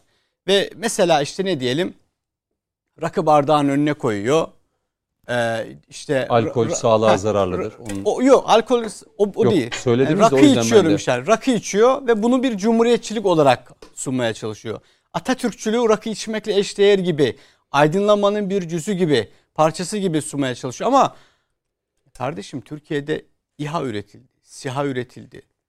Türk savunma sanayi %70'i Türkiye'de üretil, yerli ve milli imkanlarla üretilmeye başlandı. E, milli muharep uçak için adımlar atılmış geliyor. E, tank konusunda, helikopter konusunda e, belli adımlar atılmış durumda. Aşını üretmişsin. Bilim diyorsan bu bilim. Bu bilim budur. Yani dolayısıyla bilim e, de kimsenin tek elinde değil. Aydınlanma da kimsenin tek elinde değil. Yani bu kavramlar üzerinden bir hegemonya kurma çabası e, safsata. Dolayısıyla millet de bunu gördüğü için bakın millet de bunu gördüğü için seçimlerde her seferinde hizmet yaşıyorlar. Bir toparlayayım Peki. müsaadenle Hı hı. e, sorunun diğer kısmıyla. Şimdi Cumhurbaşkanı Recep Tayyip Erdoğan milletin iradesiyle, milletin yetki vermesiyle siyasette var olan bir isim. Bürokratlar, e, işte bir takım uydurma yasalar, teknokratlar, onların getirdiği bir takım kurallar falan. Bütün bunları manşetler hepsiyle çarpışa çarpışa gelmiş, hepsini yenmiş ama nasıl yenmiş? Milletin desteğiyle, Hı hı. işte Allah'ın yardımıyla yenmiş ve bugünlere gelmiş. 15 seçim arka arkaya kazanmış. Ve bu seçimi de Bu seçimin ötesinde aday olamaz diye. en güçlü isimlerden birisi. Şimdi Sabi Kanadoğlu ve benzeri isimler Hı hı. Erdoğan'ın bu yürüyüşünü, yolculuğunu bir takım yasalarla engellemeye çalıştılar. Daha doğrusu olmayan yasalarla diyelim engellemeye çalıştılar. Vaktinde başaramadılar. O zaman Abdullah Gül meselesiydi ama hani sonuçta bir AK Parti iktidarından bahsediyoruz o dönemdeki. Şimdi yine Cumhurbaşkanı Erdoğan'ın 2023'teki milletle buluşma sürecini yine bir takım bürokratik oligarşik çabalarla, Jacoben yaklaşımlarla engellemeye çalışıyorlar. Yani böyle bir çaba olduğunu görüyoruz. Mesela Sayın Kılıçdaroğlu bu soru ilk kendisine sorulduğunda eee, taraftar değildi bu konuda ama o bir iki günde ne olduysa Şimdi sonraki açıklamalarında parti sözcüsü dahil başladı işte bunun eee, benzeri açıklamalar Erdoğan yapmaya. aday olmaz. Dolayısıyla olmamalı. Erdoğan'ın Erdoğan'ın yolunu yani yine sandıkta yenemeyeceklerini gördükleri ve anladıklarından dolayı şu andaki ivme ve gidişata bakarak yaptıkları okumak, okumadan dolayı yine bir takım bu tür atraksiyonlarla bu tür illegal yöntemlerle önünü kesme çabası olarak Önünü kesmenin ben. ötesinde bu tartışma niye yapılır? Ee, gözlük dediniz Taceddin Hocam. Niye gözlük, gözlük? mü- niye gözlük? Bir de ya daha önce 367'nin e, milletin nezdinde e, nasıl geri teptiğini hepimiz biliyoruz. Şimdi bu tartışmada Kılıçdaroğlu, CHP, Sabi Kanadoğlu aday olmamalı, olamaz, hukuki bir engel var mı yok mu bunu konuşuyoruz da Bu neyin zeminini hazırlamak aynı zamanda? Evet, bence en kötü. Taceddin. Hoca, şu Buyurun. Yusuf Hoca'nın değindiği bir konu çok önemli. Bir cümleyle ona ben de katkıda bulunayım. Bizi bir tuzağa çekiyorlar. Atatürk üzerinden bir tuzağa çekiyorlar. Şu Yani- son günlerde yaşanan. Tabii ki yani e, dolayısıyla topyekun Atatürkçüler diye başlayan suçlayıcı cümleler kurmak bizim zaten tarzımız değil. Onlar gerçekten Atatürkçü de değiller. E, bizim Atatürk'le bir problemimiz yok. Atatürk'ten anladıklarından anladıkları üzerinden problemimiz olabilir. Atatürkçülüklerine dair problemlerimiz olabilir, itirazlarımız olabilir. Tıpkı diyelim ki dinin Taliban yorumuna, DAEŞ yorumuna karşı çıktığımızda e, biz dine karşı çıkmış gibi olmuyorsak Atatürk'ün Atatürkçülük yorumuna karşı çıktığımızda da Atatürk'e karşı çıkmış olmuyoruz. Yani bu ayrım çok önemli. Peki hadi şunu sorayım. Ahmet Necdet Sezer'in söylediği o şeye mi karşısınız? Tabii tabii ya Atatürkçülüğün Talibanize edilmesidir bu ya. Ya bir bir şeyi ideolojiye dönüştürüyorsanız bakınız ideoloji diyorum yani. Yani bir anlayışı bir dönem için belki de gerekli olan tarihsel hocam. konjonktür Kemalizm demişsin. işte Kamalizm Kemalist, Kemalist diyor. Hayır, zaten. Ahmet Necdet Sezer Kemalist Tabii. demiş. Aslında o şey İdeolojiden esas bahsediyor. ilk ortaya çıktığında Kamalizm diye. Yani büyük ses uyumuna uygun olsun diye Kamalizm. E, Kemalizm. Şimdi siz Atatürk'ün söylediklerini bir nasa, bir dogmaya dönüştürürseniz siz zaten akıldan, bilimden kendinizi de Atatürk'le uzaklaştırmış olursun. bir Mustafa dönem Kemal için gerekli Atatürk'ün olan her Kemalist şeyin Cumhuriyeti. Bakınız bir dönem için gerekli olan her şeyin her dönem için geçerli olacak olduğunu varsayarsanız siz o düşünceleri dinleştirmiş olursunuz. ideolojik dogmalara dönüştürmüş olursunuz. Bu kabul edilebilir bir şey değil. Atatürk sevgisini anlayabiliriz. Ama Atatürk perestliği anlamak doğru değil. Mümkün değil. Perest olmamalıyız. Sevgiyle perestlik arasındaki o ilkeli Farkı. duruşu muhafaza etmeliyiz. Atatürk düşmanlığını da çok e, e, şey e, görüyorum. E, ne diyorlar? E, psikolojik olarak sorunlu görüyorum. Yani Atatürk'ü tarihsel şartlar içerisinde değerlendiren bir bakış açısına ihtiyacımız var. Atatürk'e düşmanlığa bu ülkenin asla ihtiyacı yok. Bu son derece başka bir zararlı sürece kapı aralar. Hı hı. Ama Atatürk sevgisini sırf ideolojik bir iktidar kavgasında, siyasi bir kavgada araçsallaştıran Atatürk perestlerden de artık yakamızı sıyırmamız Peki. gerekiyor. Hı hı. O Atatürk heykelinin ayağına hangi geri zekalı güruh o halatı bağlamışsa onu vesile kılıp perestlik yapan ve Atatürk üzerinden de işte e, Erdoğan ve bizim gibi insanlara çemkirenler de aslında Atatürkçü olarak kabul edilmemeli. Peki. Niye gözlük dediğimden Yani gözlük bir de bu tartışma neyin Evet, zeminini oluşturma hiç- 2023'te hiç basit bir şey değil, kötü seçim şey sonrası. geliyor. Şimdi ben bazen böyle amüsant anlatıyorum. Millet lavvallik yapıyorum zannediyor. Gözlüğüne falan hakaret Onun komik bir gözlüğü var. 1955 model. Sabi Kanatoğlu'nun. Onu tahkir tahfif etmek için değil. Google'a yazınca çıkıyor resmi. Öyle mi? Sabik Anadolu gözlüğü dediğimizde. Hayır canım Sabi Kanatoğlu gözlüğü deme. Sabi Kanatoğlu de çıkıyor o Ha, gözlüğüyle. peki tamam tamam. Yani e, şimdi Grekçe bir kelimedir dokein. Dokein parıldamak öyle görünmek demektir hocam. Dokein bir şekilde parıldaması bir şeyin görünmesi demektir. Orta çağda kilise bazı mevzularda sıkıntı yaşadığı anda bir çözüm arardı. Ve biz bu kelimeyi şu anda çok pejoratif bir şekilde kullanırız. Dogma deriz. Dogma dokeinden gelir. Kilise der ki biz hadiseyi böyle görüyoruz. Madem biz böyle gördük bu artık tartışılmaz. Görmekten gelir. Gözlük diyorum ya. Hem onun gözlüğü biraz dikkat çekicidir hem de bir dogma başı olduğu İyi için. Hayır bunu düşünerek söyledim Hı hı. canım. Yoksa durup dururken falan adamın gözlüğünden kravatından. Şimdi Sabih Kanatoğlu dogma başı. 367 mevzunda da burada da naftalin koktu memleket 3-5 gündür. Naftalin koktu. Sandığın en dibinden çıkardılar bunları. Neden naftalin koktu? Çok riskli bir şey. Bakın hocam. Bir siyasal iktidar meşruiyetini hukuktan alır. Hukuktan aldığı bu meşruiyet sistem neyse ona göre. Ancak bizim demokratik cumhuriyet sistemimizde hadise halkın önüne sandığı koyarsınız. Bir tane rey pusulası cahilini bile kurgulayan eline ip verir içeri sokar. Bak bunu atacaksın diye. Ondan sonra biliyorsunuz Diyarbakır'da BBP oy patlaması yapar. Bazen harfler karışır. Hı hı. Ama neticede Bu bir meşruiyet verir size. Arka planında üç tane şey var. Bir, ya kültürel olarak sağlar bu siyasi kendisine bu şeyi zemini. Kültürel olarak dersiniz ki biz İngiliziz. Bizim kültürel olarak siyasal meşruiyetimiz monarşidir. Monark biz 11 sene denedik. İkinci, birinci Charles Stuart'ı astık. ikinci Charles Stuart'ı elimizde geldik oturttuk tekrar. Cumhuriyeti Evet. beceremedik dersiniz. Yahut ekonomik olarak sağlarsınız. Hiç kimse hatırlamıyor ama 130 küsür tane kabileyi 8 milyon nüfus 130 küsür kabile aynı doğalgaz zenginliğini ortak ederek Kaddafi o zenginlikten sağladı o meşruiyetini. Ondan sonra şu oldu bu oldu unutuldu adamı çok seviyordu millet. Sevilmeyen bir adam değildi ki Kaddafi ülkesinde manyağın tekiydi o ayrı mevzu. Ama meşruiyetini ekonomik alıyordu. Ya kültürel alır ya ekonomik. Üçüncüsü de toplumsal mutabakat. Toplumsal mutabakatla bunu sağlarsınız yahut sağlamazsınız. Şimdi Hı. hocam e, Türkiye'de kültürel tartışmalar tavan yaptı. Bakın mevzumuz artık bir kültürel savaş. Kültüralizm had safhada Türkiye'de. Kültürel savaşımız sürüyor. Toplumsal mutabakat zaten hangi eyyam içinde yaşadığımız hepimizin malumu. Ekonomide vallahi açıkçası pek aşıltılı değil. Bilmeyenimiz yok. Şimdi böyle bir süreç içinde bayram değil, seyran değil, e, enişten baldızını niye öptü diye sordurtacak bir şey var. Kimin vekil harcıdır bahsedilen Sabih Kanatoğlu? Yekta Güngör Özden'in vekil harcıdır. Nusret Demiral'ındır. E, Abdurrahman Yalçınkaya'nındır. Ural Savaş. Ural Savaşı'ndır falan. Hı hı. Evet bu isimlerindir. Şimdi birkaç şeyi hatırlatacağım.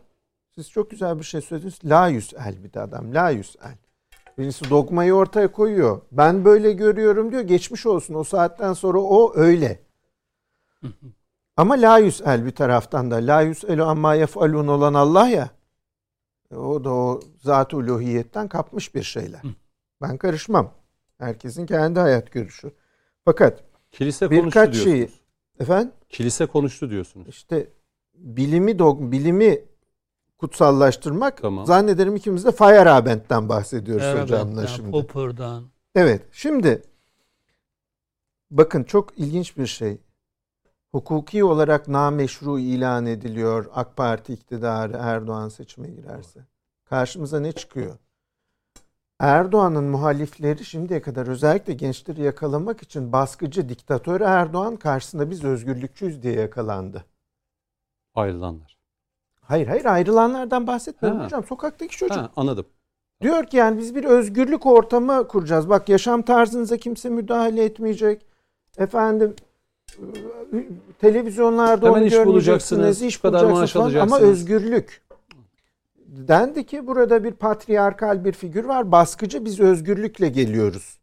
Ancak gördük özgürlüğün ne olduğunu. Bak ellerine ufacık iki tane belediye koltuğu verdiler gördük ne olduğunu. Önemli olan mevzu şu. Bu adam niye çıkar karşımıza? Bak bir yandan da izleyenlerimize şunu hatırlatalım. Ey sevgili TVNet izleyenleri. Google'a sorunuz. Cumhuriyet Gazetesi Sabi Kanadoğlu röportajı 4 gün sürdü. 4 mü 5 gün mü ne sürdü? Orada diyor ki siyasal yasaklı Erdoğan'ın parti kuracağını duyduğumda Erdemit, Erdemit mi? E- Edremit mi? Ayvalık'ta bir yerde tatildeydim. Ayağımda aşpıdıklarımı bıraktım. Ankara'ya gittim. O kadar nefret ediyordum ki kendisiyle de karşılaşmamak için gel zorla benle tokalaştı. Birincisi bu kadar Erdoğan'dan nefret eden adamın objektivitesine kaldı bu dogma bu dokeyin. O Hı. yüzden gözlük. O yüzden gözlük hocam. Yani yoksa bana ne adamın Gözlük gözüne. Ama midir? bak şimdi kötü bir yere E, geliyoruz. Yani 20 30 yıl İnsanları daha eski daha eski 30 yıl evvel yok o gözlük daha eski. Hayır gözlük değişmiş İnsanları- derken düşünceler değişmez mi? Değişmez. Hı. Sabih Kanadoğlu bu. İnsanları özgürlük ola ile topladığınız bir cemaat var ya. Bakın hukuki olarak nameşru ve baskıcı olan var ya. Biz bunlara alan açtığımız anda bunlar böyle oluyorlar diyorlar ya. Büyük bir baskıcılıkla geliyoruz diyor adam. Büyük bir baskıcılığın zeminini hazırlıyor. Çünkü hukuki olarak nameşru bunu da yaptı diyor. Bak bir baskıcılığın zemini olarak geliyor bunlar. Bunun zemini Sabih oluşturulmak Kanadoğlu isteniyor. ve sair tiplerin ortaya çıkışı. Yani biz bu naftalin kokusuna niye tahammül ediyoruz? Ne ihtiyaçları var bunca senedir? Bak Ersan Şen her akşam bağırıyor bir kanalda. Ersan Şen'in de hukuki görüşü yok mu? Ne diye Sabih Kanatoğlu? Çünkü Sabih Kanatoğlu'nda o gözlük. Sabih Kanatoğlu'nda olunca o gözlük. Efendim o konuda raconu o kesince ve dogmayı ortaya o koyunca yani zillullahu fil arz hazretleri olarak kilise değil mi? Ekstra eklesyam nulla salus hocam. Kilisenin çatısı altındadır cümle necat. Onun haricinde necat yoktur.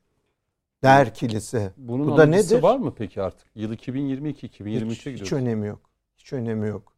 Tartışmanın zemini öyle bir yere varacak Hmm. ki artık bu işin duayenleri, memleketin bu konudaki racon sahipleri diyorlar ki biz burada seçimlere nasıl etki ederden bahsetmiyoruz. Bu AK Parti için bir tehlike, büyük bir risk mi?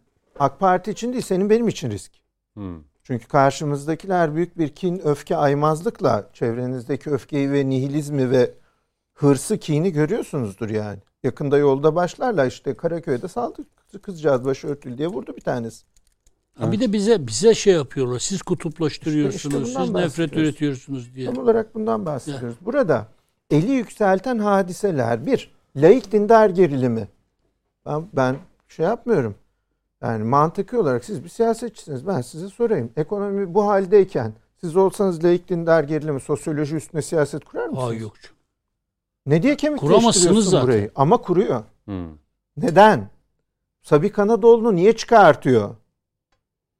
Bu arada hanımlar naftalin sağlığa zararlıdır. Lavanta kullanın onu da söyleyelim. Hala kullanan varmış. Çok zararlı, kanserojen diyorlar Doğru. ya. Doğru. Yani gözlüğünüzü değiştirin. Yani güve Evet. gelmiyor, lavantaya gelmiyor. Kovalıyor. Evet. Ama naftalin sıhhate muzır yani.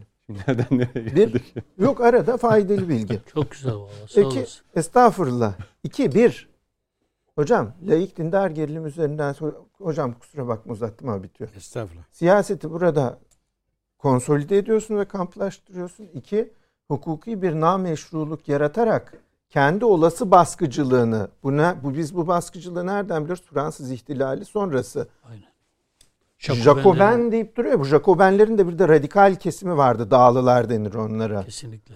Bunların işte Jean-Paul Marat diye bir manyak vardı. 100 bin kelle alacağım diyordu. 100 bin kelle alacağım diyordu adam. Fransız ihtilalinden sonra. Biz yine başa mı dönüyoruz yani? Laik, anti laik demeyeyim de laik ve muhafazakar mı diyelim? Çedeyi mi diyelim? Yine bunun bir şeyi mi olacak? Yok hocam. Jacobenler peşlerine bu defa 20 senelik AK Parti iktidarından sonra şimdiye kadar takabildiklerinden daha fazla fare takabildiler kavalcı. Dereye doğru daha fazla fareyle iniyor. Kimseye fare diye hakaret etmiyorum.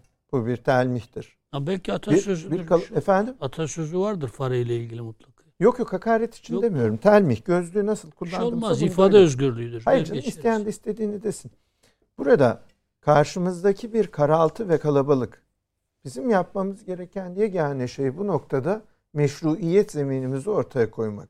İşi meşruiyet zemini üzerinden bir tartışmaya çevirdikleri için bakın yalakadan sanatkar olmaz diyor adam. Bu ne? Bir de şeye gitti hocam asker. Hudut bölgesine gitti diye sanatkarlar ha. Tabii. İbrahim Tatlıses şu bu. Hudut bölgesine gitti askere şey verdi diye. Ama diğer taraftan senin piyano çalanı olan ne? Fazıl Say şu bu falan filan makbul sanatçı oluyor. Çünkü bu taraf nameşru, bu taraf meşru onun açısından. Bu hazırlanan büyük bir baskıcılığın mübeşşiridir. Hı hı. Dikkatli olmak lazım vesselam. Öyle ona buna ceza vereceğim diye saçma sapan işler yapılmaz. Peki. Bu konuyu Coşkun Başbuğ'la kapatacağız. Yani Sabi Kanadoğlu açıklaması, e, Cumhurbaşkanı Erdoğan'ın artık e, üçüncü kez aday olamayacağı e, belirtiliyor ve nasıl bir zemin oluşturulması gerektiğini de Taceddin Hocam örnekleriyle bizlere aktardı. Yani Robespierre bile giyotinle kendi kurduğu rejim. Onun için bunlar Marat diyor ya çok önemli aslında. Yani keşke bu tartışmaları güncelleyebilsek. Sabi Kanadoğlu belki de e, Marat, hukukun Marat'ı. Düşün Robespierre gibi Jacobenlerin lideri bir başka Jacoben, daha radikal Jacoben tarafından giyotine gönderilerek öldürülüyor. Maalesef. Sizle Ama bu kadar bitireceğiz. baskıcı yani, faşizan yani. Tabii Coşkun Başbuğ hep şunu söylüyor. Yani bu 2023'e giderken daha neler göreceğiz diye. Her hafta bir konu konuşacağız dedim. Şubat'tayız. Konu Ee, artık 10, 17 ay var. 14, Son- 16 ay var. 2023'ü sayma. O zaten ışık hızı gider. Hı, bu, bu, bu 2022 en kritik Hı hı. yıl bu. Ve ifade ettiğim gibi her hafta başka bir konuyu tartışıyoruz. Bu haftaki konumuz Kanadoğlu. Şimdi ben enteresan diye bir başlık açtım. Tek Evet kelime dedim. enteresan. Niye enteresan? Neden enteresan dedim? Çünkü eee, bir orada bir gönderme yaptık. Kanadoğlu hiç öyle göründüğü gibi değil. Bir proje. Şimdi nasıl proje olduğunu adlandırayım. Hani Kanadoğlu e, hangi kanattan bilinmez ama en azından benim kanadımdan değil. Veya Ya proje derken çok iddialı olmuyor mu? Ya Sabit Yo, ben- eski Türkiye'de kalmış bir isim değil mi artık? Yani bu bunu kadar şimdi şöyle. çok mu büyütüyoruz? Ama Bilmiyorum. naftalin kullananlar Hmm. için şeydir yani. Ha. Türkiye e, uzun vadeli bir oyunun içinden çıkıyor. Bakın Sayın Erdoğan'ın FETÖ ile ilgili vurgulamasını e, ben çok önemserim. Şu vurgusunu. Kolay değil. 50-60 yıllık pisliği temizliyoruz dedi. Bu o kadar önemli bir vurgu ki. Hala temizleyemedik. Temizleyemedik ya. Bugün bir şey de. öğrendim. İlgili yerlere de ilettim. FETÖ'nün en önde gelen isimlerinden biri daha yeni yeni başka bir gerekçeyle açığa alınmış hakim. İsmini vermeyeceğim. ilgili yerlere verdiğimiz için. Düşün yani. 15 Temmuz'dan kaç yıl geçti? 6 yıl. Bakırköy'de oradan küçük çekmece en son başka bir Kripto- gerekçeyle açığa alınmış. Kripto mu yoksa? FETÖ FETÖ. Yok kripto mu hani yoksa? Yok şey, yok ya bilemeyiz. geçmiş dönemde herkesin FETÖ'cülüğünü bildiği hatta bir takım kirli operasyonlarda da Allah. yani ben ismini duyduğumda şaşırdım. Ve Başka bir gerekçeyle açığa alınmış ama hala bu Valla tarihe kadar da ben bugüne kadar gördüğüm şu. FETÖ'yle ya kripto değil yani. De, düşün, bir de kriptoları da düşünürsen Hı hı. daha pisliklerde ne kadar temizlendiğimiz sorusu hala yerinde duruyor yani. Mehmet abinin açtığı konu benim de yaram. Birçoğumuzun yarası. Çünkü e, FETÖ'de e, bugüne kadar görülen şu. E, bu yapıya bulaşıp tövbekar olan, pişman olan veya bir şekilde geçiyordum uğradım diyebilen hiç kimse yok. Hepsi iliklerine Hı hı. kadar bu işin içine girmiş. O nedenle e, devlet içinde kurt beslemez. Ağacın kurdundan kastımdır. E, bu yapıların acilen temizlenmesi lazım. Hani evet Cumhurbaşkanı'nın dediği konu önemli ama daha yapacak çok iş var. Şimdi az önce vurguladım. Kanadoğlu hangi kanattan bilinmez. Ama benim bildiğim benim kanadımdan değil. Milletin kanadından değil. Mesela Ahmet Necdet Sezer'in az önce karanlık günler diye e, bir takım söylemlerini dillendirdin. E şimdi sorgulayalım, düşünelim. Aynı Kanadoğlu, aynı Sezer FETÖ at koştururken hiç böyle cümleler duydunuz mu ağzından? Karanlık günler, aydınlığa çıkacağız gibi söylemler.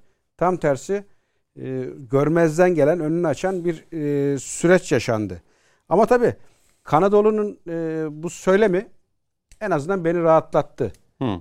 Çünkü e, karşı taraf bence B planına geçmiş durumda. Yani bir seçim var. Bu seçimin sonucunda iyi kötü işte anketler veya e, görünen köy kılavuz istemez. Bir sonuç aşağı yukarı görülüyor.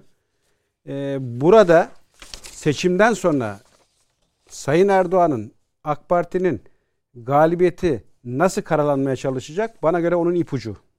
Meşru değil, gayrimeşru olarak bu koltuk ele geçmiş durumdadır diye bir ortamın altyapısı oluşturuluyor.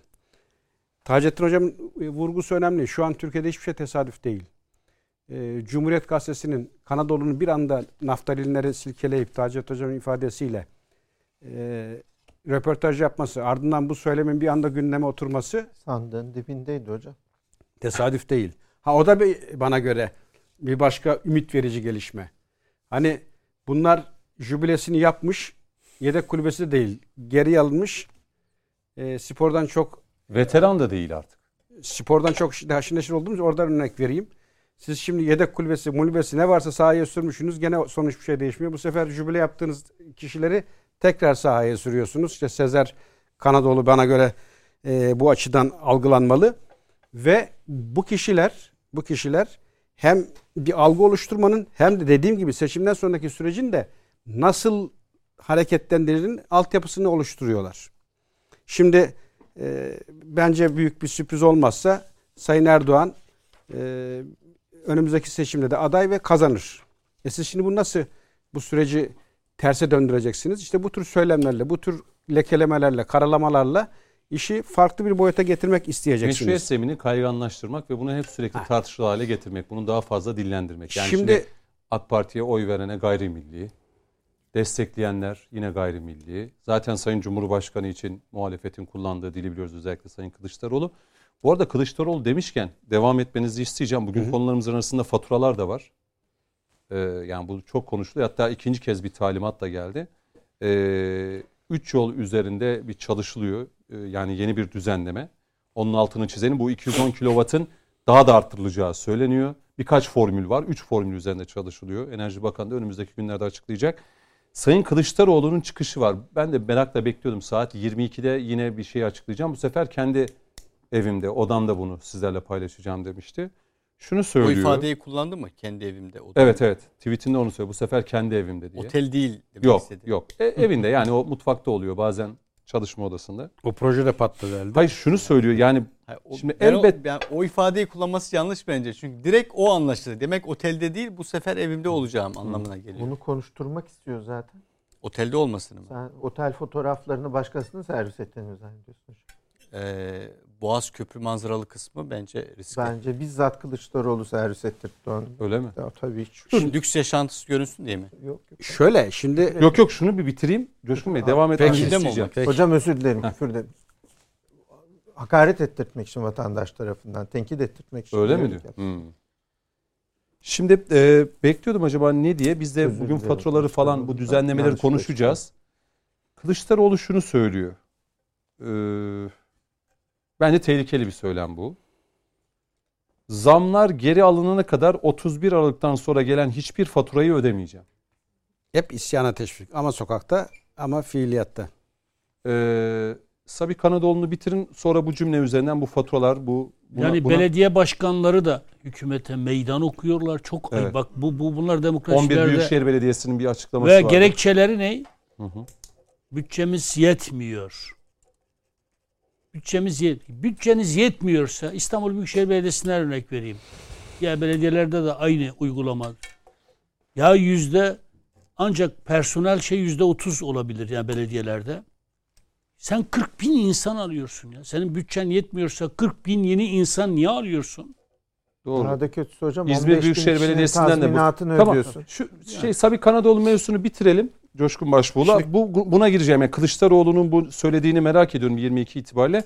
Buyurun. Kanadolu için aslında e, Mehmet abi önemli bir şey söyledi.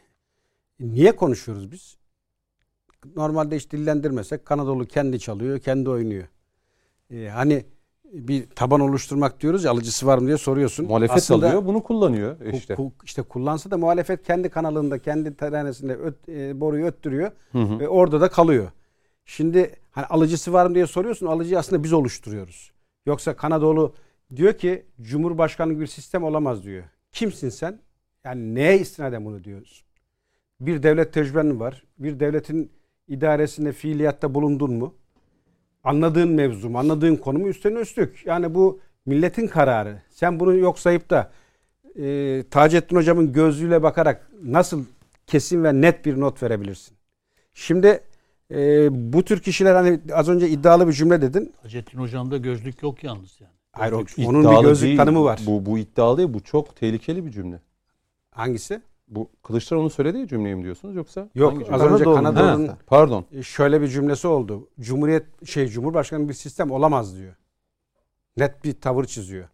Şimdi e, ben FETÖ'yü ilk daha e, okumaya başladığımız günlerde Fethullah Gülen denilen alçağın e, bir kasette söylediği şu sözü çok önemsemiştim. Açıktan söylüyor, net söylüyor. Yargıyı ele geçirmeliyiz diyor. Saklamıyor adam yapacağı işi. Ve dediğini de yaptı. Bütün o yetiştirdiği teröristlerin birçoğunu devlet kadrolarında önce Adalet Bakanlığı olmak üzere yerleştirdik. Az önce Mehmet abi önemli bir örnek verdi. E şimdi bu aslında Amerika'nın e, emperyalizmin en büyük taktiği. Her ülkede bir takım ayak oyunlarına gireceklerse ilk önce yargıyı ardından silahlı gücü eline geçiriyor. Üstünden yürütüyor. Birine tutturuyor öbürüne de fişini çektirip işini bitiriyor. Bizde de bu böyle oynandı mı? Oynandı. İşte yürüyen o kumpas davalar, o davalara malzeme taşıyan sözde polisler aynı mantıkla üretilmedi mi? Üretildi. E şimdi Kanadoğlu e, yargıda bir kişi ki Ahmet Necdet Sezer de herhalde e, hukuk kökenli. e, diyebiliyorum. Ben baştan beri hep zaten e, bu konuda hani bu pencereyle baktığım için acaba derim ama gerek evveliyatta yapılanlar gerek şu an icra edilenler zaten bu bendeki kanıyı e, bitirmiyor. Tam tersi örtüştürüyor. Hı hı. Şimdi az önce e, kutuplaşmadan bahsettik. Etnik, dini işte bir takım e, olaylardan ve başlıklardan söz ettik. Aslında kutuplaşmanın temeli işte bu isimler üzerinden zamanında atıldı. Bakın dikkat edin şu an bizi bekleyen en büyük tehditlerden biri o. Bir kesim Osmanlı ve öncesini tanıyor. Bir kesim Osmanlı'dan sonrasını Atatürk ve sonrasını tanıyor. ve bir kesim de bu çizgiyi derinleştirmek için elinden geleni yapıyor. Ki normalde hani Atatürk ve sonrası Osmanlı'nın devamı. Bunu fiiliye Osmanlı paşası hepsi. bitti. Yani Osmanlı ordusunda Sultan bir fiil görev almış bir kişiyi konuşuyoruz. yetişmişler. Uzaydan gelmedi ama birileri o ayrımı yapmak için inanılmaz gayret içerisinde birilerinden kastında bu. Bunların tamamı bu kesimin tamamı yolda Atatürk görse tanımaz. Ne ilkesinden ne icraatından ne kişiden hiç haberdar değil. Benzerine Denizli'de gitti ağladı ya çok ihtiyacımız var Allah aşkına. Şimdi Şaşırıyorlar yani doğrusu. Bunun ben e, bir şey bir olarak söylemiyorum. ben izlemiştim. Böyle bir muhabir şeye gidiyor. Yani daha çok laik seküler dediğimiz işte e, Atatürkçülerin genellemeyeyim ama e, orada röportaj yapıyor. E, Atatürk ilkelerini sayar mısınız diye. 1, 2, 3. 4. 5. 6. gelmiyor. İyi Yani saymış. 1, 2. Yani bunlar, bazıları bunlar bir onu da tane sayamaz. Bunlar onu da sayamaz. var böyle. Yani e, bunlar proje isimler ki bakın Yani bu fa- bu fakir Atatürkçü değil ama Nutuk'u en az üç kere okumuş. Bravo. Yani okunabilir. En az üç kere okumuş. Atatürk'le ilgili yazılmış söylev demeçlerinden tut, Hı hı. bunların söylem analizlerine varıncaya kadar, Profesör Doktor Taha Parla'nın o cilt cilt kitaplarına varıncaya kadar. Hangi Atatürkçü de kendine güveniyorsa gelem adam akıllı konuşan Nutuğu tartışayım diyorsunuz. ayıptır yani. Ben Atatürkçü değilim. Atatürk düşmanı da değilim. Ya niye bizi bir şeyin denklemin içine sıkıştırıyorlar ki? Atatürkçü müsün değil misin? Allah'ım ya Rabbim yani Atatürkçü değilim demek Atatürk düşmanıyım demek de, de anlamına gelmez. Atatürk Cumhuriyetimizin kurucusu yapıp ettikleriyle anlamlıdır, değerlidir. Konuşuruz, tartışırız ama asla düşmanlık yapmayız yani. Bu, bu doğru değil. Bu düşmanlık anlayışı doğru değil. Ama Atatürk üzerinden bizi dövmeye kalkışanlara da izin veremeyiz. Kimse kusura bakmasın yani. Peki. Hele Atatürkçülüğü arkasına sığın. Sağa sola tokat at. 1500 yıllık gerici anlayıştı. niyeti de Atatürkçülük falan Efendime değil. söyleyeyim Osmanlı'ya küfret. Sen kimsin ya? Hadsiz, densiz herif. Sen kimsin ya? Atatürk'ün sırtın üstünden kimsenin bize kurşun sıkmasına izin vermeyiz. Peki. Zaten o sıkanları Atatürk şu an yaşasa emin ol tamamını yargılardı. Bakın tamamını. İşte az önce Ayşenur denen bir e, şahsiyetten bahsettik. Şimdi şu söylem yani Halk, Halk TV'de bu ha. TV'de C- ha, CHP'de sor Atatürk'ün- Atatürkçü. Evet sorsan Atatürk. Sorsan Ya Atatürkçü. ama yani mesela Ayşegül Ayşegül Ayşenur Arslan e, Eski noktacı. hay, yani ben mesela bir, ben de birkaç sefer böyle izledim. Yani şey dedim artık yani hani yaş ilerliyor. Bizde de mesela meslekte yaş ilerledi. Ben onu söylemek istemedim. akli melekiler yani bir gün Hocam, şeyini duydum. ama bak, hocam, ya dedi lütfen. ki bir şey çıktı dedi. Bu cuma hayırlı cuma ne öyle hayırlı cumalar ne demek diyor ya. Bir de bu çıktı Ben- diyor moda. Bağışlı Moda oldu özür diye. dilerim. Bir defa hiç öyle salahiyet şeyine falan girmeyelim. Bu akıldan beklenecek bir şey olduğunun alametini Yılmaz Özdil'den gördün. Hellim peynirine vermiyor muydu Kıbrıs'ı? Evet. Şimdi E tamam bu, bu kadın da onun pişuvası değil mi? Ya şimdi ama Yılmaz Özdil şimdi örnek verdi. tamam Yılmaz Özdil de geçen hafta almıştı öyle bir şey yaptı ki dedi ki ya yani? şu an dedi Atatürk kalkıp gelse bu CHP'yi dedi Doğru bu demiş. CHP'de dedi partiden atılır dedi. Doğru bozuk demiş. saat arada bir doğru Yani gösteriyor. Yılmaz Özdil onu da söyledi. Şimdi bakın Hocam şeyde şu anda özür dilerim fraksiyon kavgası var. Kim şey olacak diye. Hı. Herkes ihsası rey ediyor. Kim kim başını yiyecek diye mi? İmamoğlu'nu oynadı kıl- şey. Özdil. Kazanacak at o dedi. Yoksa kendisi gerçek bir CHP eleştirisi yapmıyor. Tamam. Şimdi ba- bazı şeylerin çizgisini net çizmek lazım. Hiç lafı eğip bükmeye gerek yok. Mesela Akıncı vardı, Cumhurbaşkanıydı Kıbrıs'ta. Gelmiş geçmiş en büyük talihsizlikti Kıbrıs için. Bizim Gövdesi Türk ama aklı yüreği Rum. gövdeden emin değilim. vardı. Öyle emin değilim. Onu bilmiyorum. Biz öyle Şimdi, biliyoruz e, gövdesini. şeyde Suriye yaptığımız harekata bir Rum ağzıyla konuşarak ithamda bulundu. Doğru. Ben de dedim ki o zaman değerlendirmede Akıncı muhtemelen 74'te yanlışlıkla Türk tarafında kalanlardan olsa gerek dedim. Halen de bu iddiamın arkasındayım. E şimdi Ayşenur Aslan'ın bu söylemine bakıyorsunuz. Ya mübadelede araya karışmış, buralara gelmiş ya da Kıbrıs kökeni varsa eğer 74'te yanlışlıkla bu tarafa geçmiş. Şimdi siz kurtuluş mücadelesi veren o şehitlere, o mücahitlere nasıl böyle bir yakıştırma yaparsınız ya? Bunu neyle örtüştürürsünüz? Bu neyle Atatürkçüyle mi örtüşülür? Ama sorsanız Halk TV Atatürkçü milletin memleketin değerlerini so- organı. sorguluyor ve onu savunuyor. Bu anzavur zihniyetidir. Kuvayi Milliye'ye karşı çıkan e, besleme İstanbul basınının da şey yaptığı, İngilizlerin şey yaptığı bu aynı ağızdır İşte yani. proje diyor ondan zaten ben aynı dem vurdum. ağızdır yani. Mesela az önce Uğur Dündar'dan bahsettiniz. Zamanında hamam böceği solucan kovalayan bugün bambaşka yerlere getirildi. Bir takım misyon verildi. Niye? Çünkü zamanında hani bu büyük bir taktiktir. Bazı isimleri böyle etiket kazandırırsın. Önün plana çıkarırsın. Gün ve saat geldiğinde görevini verip kullanmak üzere. Bunlar toplumda kabul görmüş isimlerdir. Söyledikleri e, kabul görür ki az önce işte o gözlüğün aslında arka planda yatan odur söylerler ve toplumda da kabul görmesini beklerler. Ama Peki. bunların hepsi zamanda proje isim olarak devreye alınmış ve gün saat geldiğinde de kullanılmak üzere hazırda bekletilen isimlerdir. Bunların hepsi görevini yaptı. Ama şu an Aziz'den tekrar sandıktan çıkarılarak sahaya sürülüyor.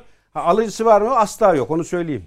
Kendi çalıyor, kendi oynuyor ama e, dediğin gibi bana göre hiç konuşmamak lazım. Alıcı da oluşturmamak lazım.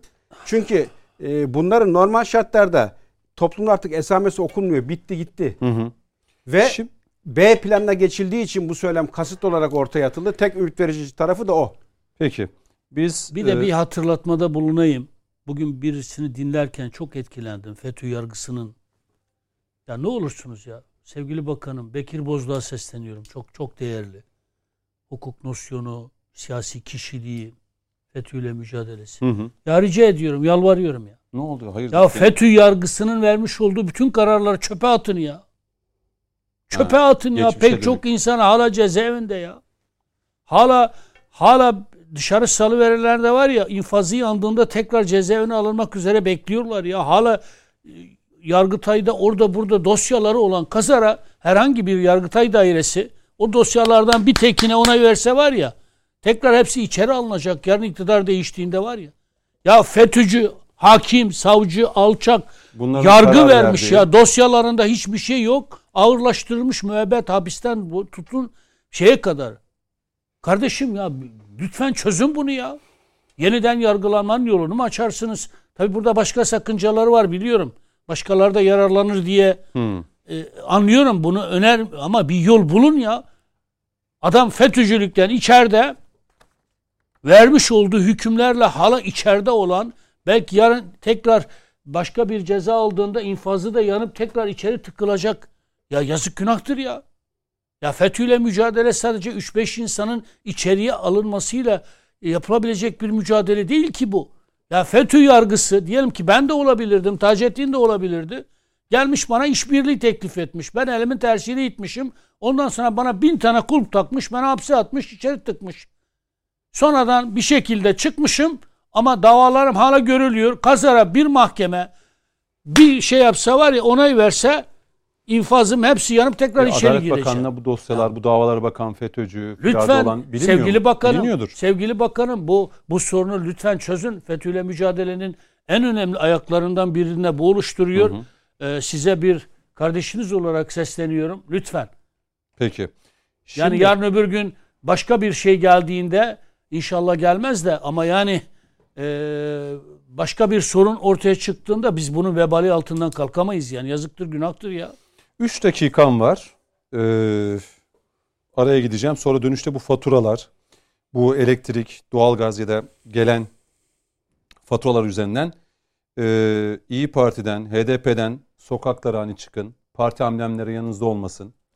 İşte bunları protesto edin. Şimdi Kılıçdaroğlu'nun bu 31 Aralık'tan sonra ee, kadar 31 Aralık'tan sonra gelen hiçbir faturayı ödemeyeceğim diye sosyal medya hesabı Twitter'dan bunu paylaşması, yine vatandaşa bu yönde çağrı yapması. Ee, bunları konuşalım. Ama öncesinde Taceddin Hocam Aynı şey belediyeler için de Tabii. çağrıda bulunalım. Ey vatandaşlarımız İstanbul Büyükşehir Belediyesi, İzmir'den, belediyelerden size gelen faturaların hiçbirini ödemeyiniz. Hadi bu, vergilerinizi bu ödemeyin. söylem bu söylem Çevre vergisini ödemeyin, Hı hı. harçları ödemeyin. Hiçbirisini belediyeleri paralize edelim o zaman. Ya böyle bir sorumlu siyasetçi olur mu Şimdi ya? bu açıklamayı ü- üçte birazdan reklam dönüşü e, uzun uzun konuşmak istiyorum. E, gitmeden önce Sayın Cumhurbaşkanı Erdoğan'ın sağlığıyla alakalı ki bugün 5. gün hem Sayın Cumhurbaşkanı hem de eşine buradan geçmiş Allah'tan olsun şifa dileklerimizi bir diliyoruz. kez daha iletelim. Binlerce, yüz binlerce, milyonlarca mesaj hem yurt içinden hem yurt dışından geldi. Sizin bir iki dakikalık değerlendirmenizle araya gideceğim. Bir Derya Büyükuyuncu çıktı. Peşine bir Hüda Kaya çıktı. E, onlar gibi düşünen azımsanmayacak da bir kitle çıktı. Sonra bu suç mudur, ifade özgürlüğü müdür? Ya sosyal medya paylaşmış ne var diyenler oldu. Bunu savunanlar oldu. Yakalama kararı çıkarıldı. Allah topunun belasını versin o zaman. Bir insanın İfade ölümünü beklemek ve ölümü için dua etmek ne ne olur? Karşılığı nedir bunun? Taceddin Ya Hocam, buyurun. şöyle bunu, Ki bu ülkenin bir numarasından bahsediyoruz. Sayın Cumhurbaşkanı'ndan bahsediyoruz. Hayır yani ben şöyle memleketin ne baş çok canım ne başlık biz daha biliyorsunuz. Gidin kabristanlara bir dünya açılmış kabir al, çö- sökülmüş altın diş görürsünüz yani bir dünya. Hani millet meraklıdır böyle şeylere bizde de. Şunu söyleyelim bir şeye ya prensip itibariyle karşısındır ya zat itibariyle karşısındır. Şimdi prensip itibariyle nefrete, şiddete, şuna buna karşı mısın hemşerim? Karşı, karşı değilim diyorsan. Hı.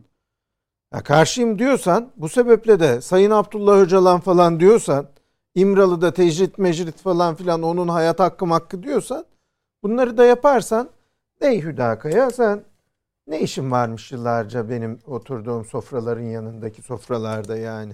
Ne diye mülevves ettin oraları diye sorarım. Ee, diyorsan ki ben hiçbir prensip kararım yok bu konuda. İnsandan insana bakarım. Vallahi kusura bakmayın biz bu memlekette sizden güçlüyüz. Biz güçlüyüz tamam. Biz bu memlekette sizden güçlüyüz yani. Öyle gidelim araya o zaman. Sen gel bir müşterek yol bulalım. Bir şey prensip olarak, hukuki olarak taraf ol yahut olma. Diyorsan ki ben adama bakarım kim güçlüyse yani ben Demirtaş değilim insanlara hiç öyle şeyler söylemem de. Kazanamazsın o kavgayı kardeşim. Peki. E, son araya gidiyoruz. Dönüşte bu faturaları da konuşmak e, istiyoruz. Konuşmak lazım da. Bakalım Sayın Metiner, Sayın Başbuğ, Yusuf Hocam, Taceddin Hocam bu konuda neler söyleyecek?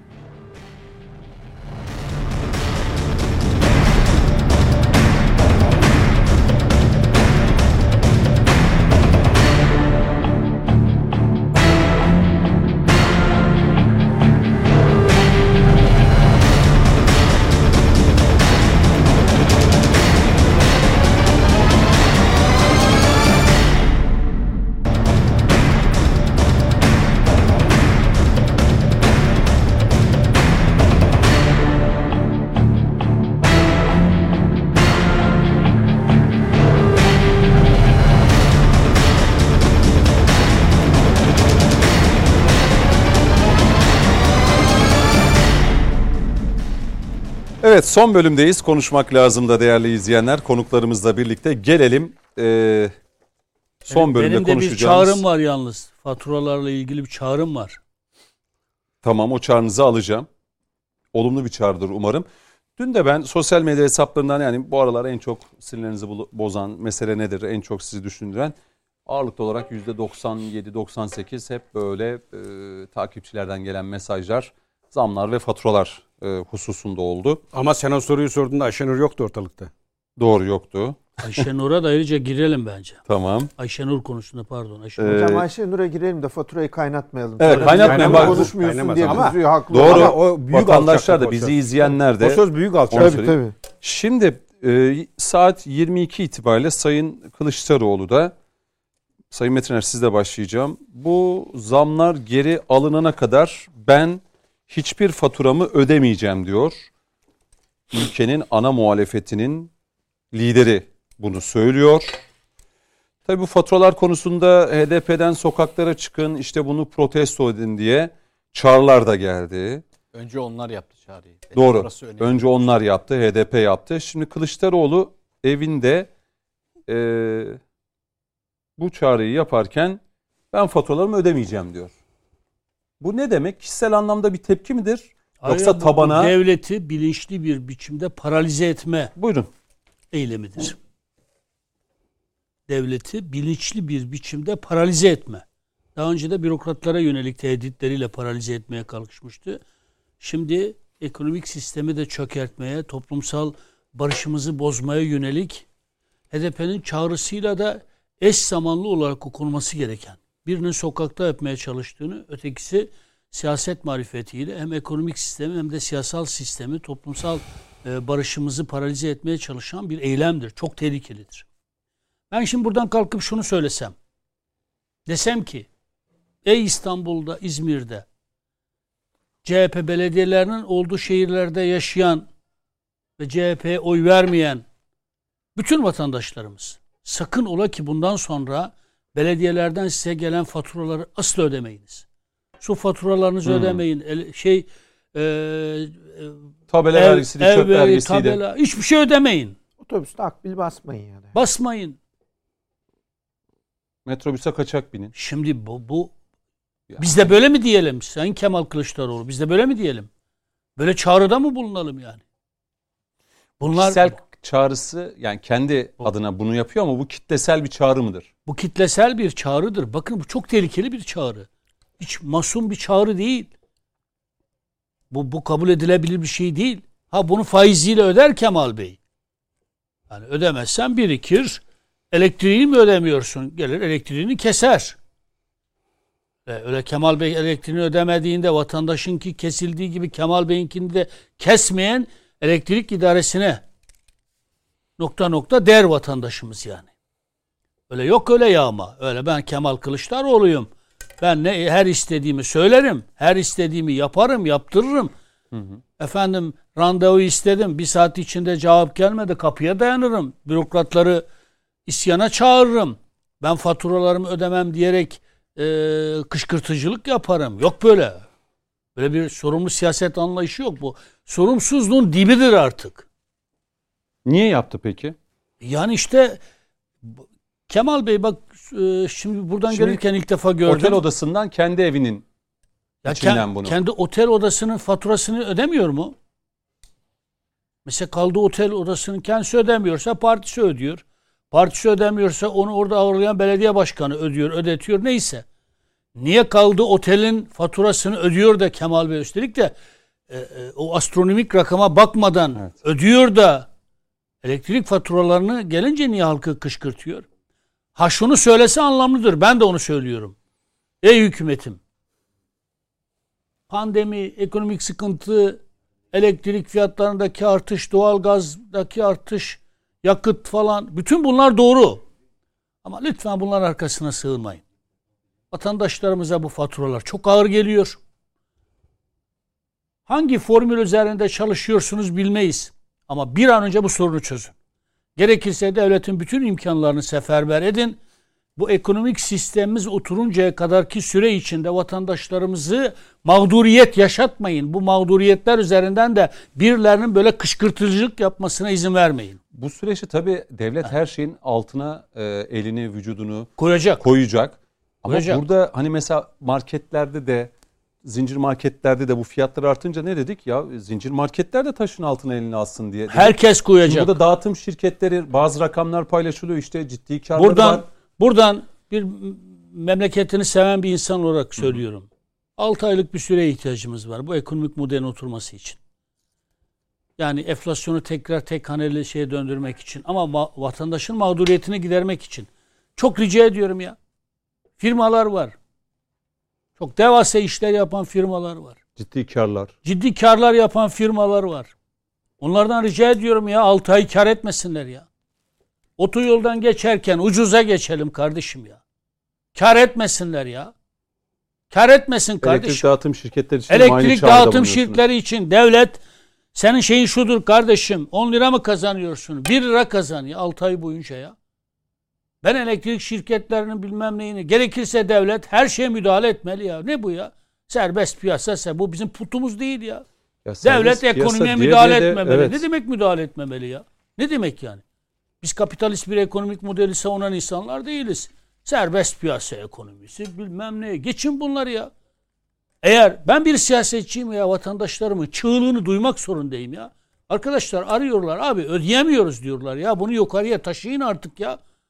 Yılların AK Partilisi ya. Reis için ölüme giden insanlar bunlar. Ya bunları görmek zorundayız kardeşim. Devletin bütün kasaları dolu olsa bana ne ya? Bana ne? Sen vatandaşı 6 ay süre içerisinde bütün bu fitne girişimlerine karşı da korumak zorundasın. Bakınız hı hı. toplumsal barışımıza yönelik bir tehdit var. Ve vatandaşımız ne yazık ki bundan etkilenebiliyor. Çünkü ya fatura geldiği zaman e, o gidip ödeyecek. Peki şu olmasını istemediğimiz ama dünyada pek çok örnekleri de oldu. Kılıçdaroğlu'nun bu çağrısı da bir anlamda isyan. Değil mi? Evet. Bir, evet, evet, bir anlamda değil. Böyle bir risk olabilir mi? Ya olabilir. Canım kardeşim bak Türkiye'de her şey olabilir. 2000... Yani tencere tavayı alan çıkar. Bak kardeşim çıkarsa bak araya başka şeyler bunu daha böyle terörize ya da provoke edebilecek gruplar da içine... diyorum hem diyoruz ki bak Biden böyle dedi ne pahasına olursa olsun Erdoğan'ı devireceğim dedi. Hı hı. Bunun için her şeyi yapabileceklerini söylüyoruz. Biz de her şeyi yapabileceklerini öngörerek tedbirimizi Anladım. almak zorundayız kardeşim. Çünkü AK Partili vatandaşımız da MHP'li vatandaşımız da, esnafımız da, işçimiz de, işverenimiz de. Bakınız bir otelci arkadaşım dün bana bir fatura gösterdi ya. Yani Aralık ayında gelen fatura diyelim ki 300 bin lira. Şey gelen bin, 1 milyon bilmem ne. Ya otelleri kapatsınlar mı? Onlarca insan işsiz mi kalsın? Yarın turizm mevsimi gelecek. 24 saat klimalar çalışacak yaz ayında. O elektrik faturaları nasıl ödeyecekler? Vatandaşa yansıtırlarsa bir Tabii, türlü tatil ücretleri... müşteri. Onun için rica ediyorum. Bakınız sokağa şeyler e, yayıldıktan sonra tedbir almanın manası yok. Her şey öngöreceksin. Hı hı. Diyeceksin ki Cumhurbaşkanımızın dediği şeydir bu. Vatandaşım enflasyonu ezdirmeyeceğim diyor ya. Bitti kuralımız bu bizim. Öngöreceksin. 6 aylık bir süre mi istiyoruz vatandaşımızdan? O müteahhitleri de çağıracağız. Diyeceğiz ki kazandınız. Evet. Siz de fedakarlık yapacaksınız. 10 lira kazanacağınıza bundan sonra 6 ay boyunca 1 lira kazanın kardeşim. Vatandaş gönül rahatlığıyla otobandan gitsin ya. Biz biz de kullanıyoruz ya. Hı hı. Elimizi cebimize attığımızda biz de zorlanıyoruz kardeşim. Doğru oturup doğru konuşalım yani. Elektrik faturalarını ödedi. Ha bu şu gerçeği değiştirmiyor. Elektrik faturasının devletin %50 sübvanse ettiğini, etmezse çok daha ağır fatura geleceğini. Bütün bunlar doğru. Doğal gazda doğru. Ama bu vatandaşın cebine farklı yansıdığında bütün bu izahların hiçbir kıymet harbiyesi olmuyor ve işte Kemal Bey gibi insanlar HDP gibi terörün siyasetini yapan partiler çıkıyor halkı kışkırtıyor ve bunun da bir toplumsal alıcısı var. Doğru. Cüneyt kardeşim ben bir siyasetçi olarak ülkesini de seven AK Partisi'ne, hükümetine bağlı bir siyasetçi olarak vatandaşımın bu çığlığını duyurmak zorundayım ya. Onun için rica ediyorum. Ama yani Kuzey Marmara'dan giden... geçerken de İzmir'e giderken de ya insanlar bak ya. Başlarım dolarına molarına yani. Kardeşim 6 ay boyunca fedakarlık bekliyorum senden. Gel gerekirse sözleşmesini 6 ay mı uzatırsınız normalleşme sürecine girdikten hı hı. ama ya bir formül bulun kardeşim. Peki. Akaryakıt için bulun, elektrik için bulun. Ne pahasına olursa olsun biz sorun çözmek mevkindeki insanlarız. Onun için e, korkarım ki bu tür çağrılar çoğaldığında e, çok farklı senaryolar devreye girdiğinde iş işten e, geçtiğimizde atacağımız adımlar da e, hı hı. anlamını yitirebilir yani. Şimdi e, yani Kılıçdaroğlu'nun bu açıklaması ama Yusuf Hocam şöyle bir aylar öncesine gidelim. Sayın Kılıçdaroğlu Haziran Temmuz'da şimdi dedi ya Biden seçimi kazanmadan önce biz ve dostlarımız her ne pahasına olursa olsun Erdoğan'ı devireceğiz. Yani tüm kartları kullanacağız. Ee, Haziran Temmuz gibi Kılıçdaroğlu şunları da söylüyordu. Ya siz daha göreceksiniz öyle bir kara kış geliyor ki zam zam zam zam her şey şunlar. Hep bunları söylemişti hatırlayalım. Haziran Temmuz itibariyle. Kara kış akçesi evet. vesaire. Evet evet hep bunları söyledi. Ee, bu bu bu söylemi ya da bu tabloyu Kılıçdaroğlu görüyor muydu? Hükümet e, yeterli önlemleri almadı mı? Bu tablo beklenmiyor muydu? Biden ve ekibinin e, devirmek için kullanacağı kartlardan birisi miydi bu? E, ve tabii ki en son bu ben ödemeyeceğim çağrısı. faturalar üzerinden. Ya bu çok talihsiz bir açıklama. Yani hakikaten Mehmet Bey o konuda e, iyi öneriler getirdi.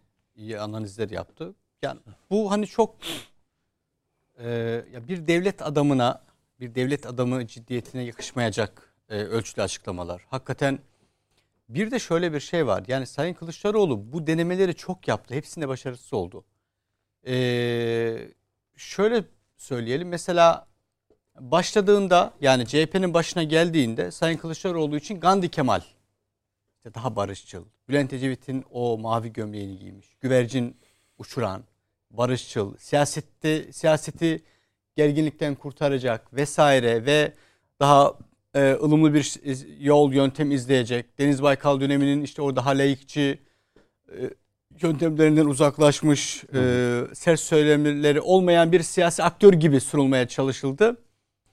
Bir baktık sonra Şahin rolüne bürünmeye çalıştı. İşte bu çiftçilerin tehdit edilmesi, esnafın tehdit edilmesi, bürokratların tehdit edilmesi, öğretmenlere size öğretmen demem, öğretmen demem ben yaklaşımı vesaire. Yani sonra başka bir yere doğru evrilmeye çalıştı. Tarih verdi bürokratlar, şu İkisi tarihten de- sonra imza atan bürokratlar Bu olursa. çok şey, kafası çok karışık bence Kemal Bey'in. Dönem dönem yeni şeyleri denemeye çalışıyor ama e, ikisinde de yeterli sonucu alamadığını görüyoruz.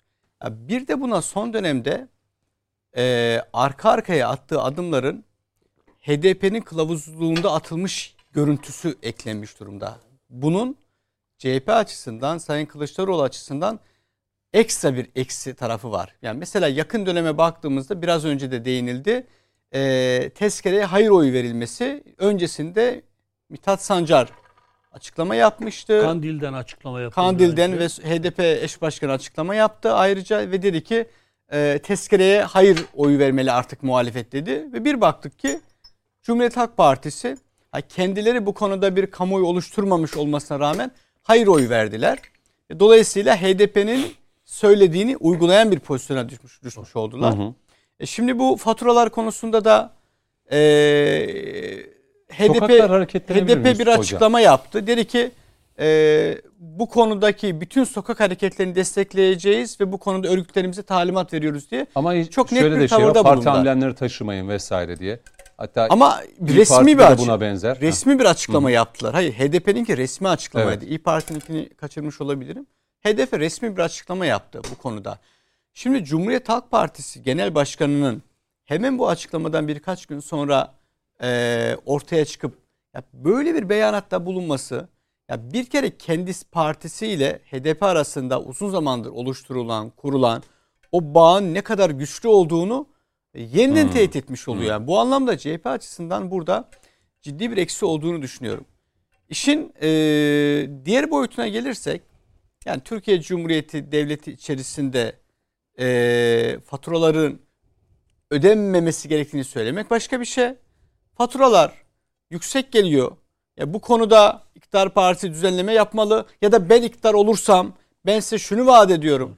Şunları vaat ediyorum. İktidar olursam şu kadar ucuzlatacağım demek başka bir şey. Normalde demokratik işte hukuk kuralları içerisinde siyaset yapan bir aktörün bu ikincisini söylemesi gerekir. Demesi gerekir ki şu anda siz zamlar altında şu şekilde eziliyorsunuz ama ben iktidar olursam işte e, elektrik faturanız 100 TL gelecek. Belki de bu konuda kendi inandırıcılıklarını özellikle İstanbul ve Ankara seçimlerini kazandıktan sonra kaybettiklerini düşünüyor da olabilirler. Bakın burası da önemli. Çünkü İstanbul'da mesela CHP'li belediye başkanı ve Ankara'da da aynı şekilde e, su bedava olacak dediler. Mesela işte kreş açacağız dediler ama kreş açacağızı sanki belediye bütçesinden oraya insanlar çocuklarını gönderecek gibi bir vaat gibiydi bu ama 1000 TL 1250 TL civarında insanlar aylık ödeme yapıyorlar. Su bırakın ucuz olmayı hani bedava olmasını bir sürü şey geldi zam geldi. E, öğrencilerin akbilleri konusunda bazı mesela işte yoksullar e, ulaşım yoksullar için ulaşım bedava olacak meselesi vardı.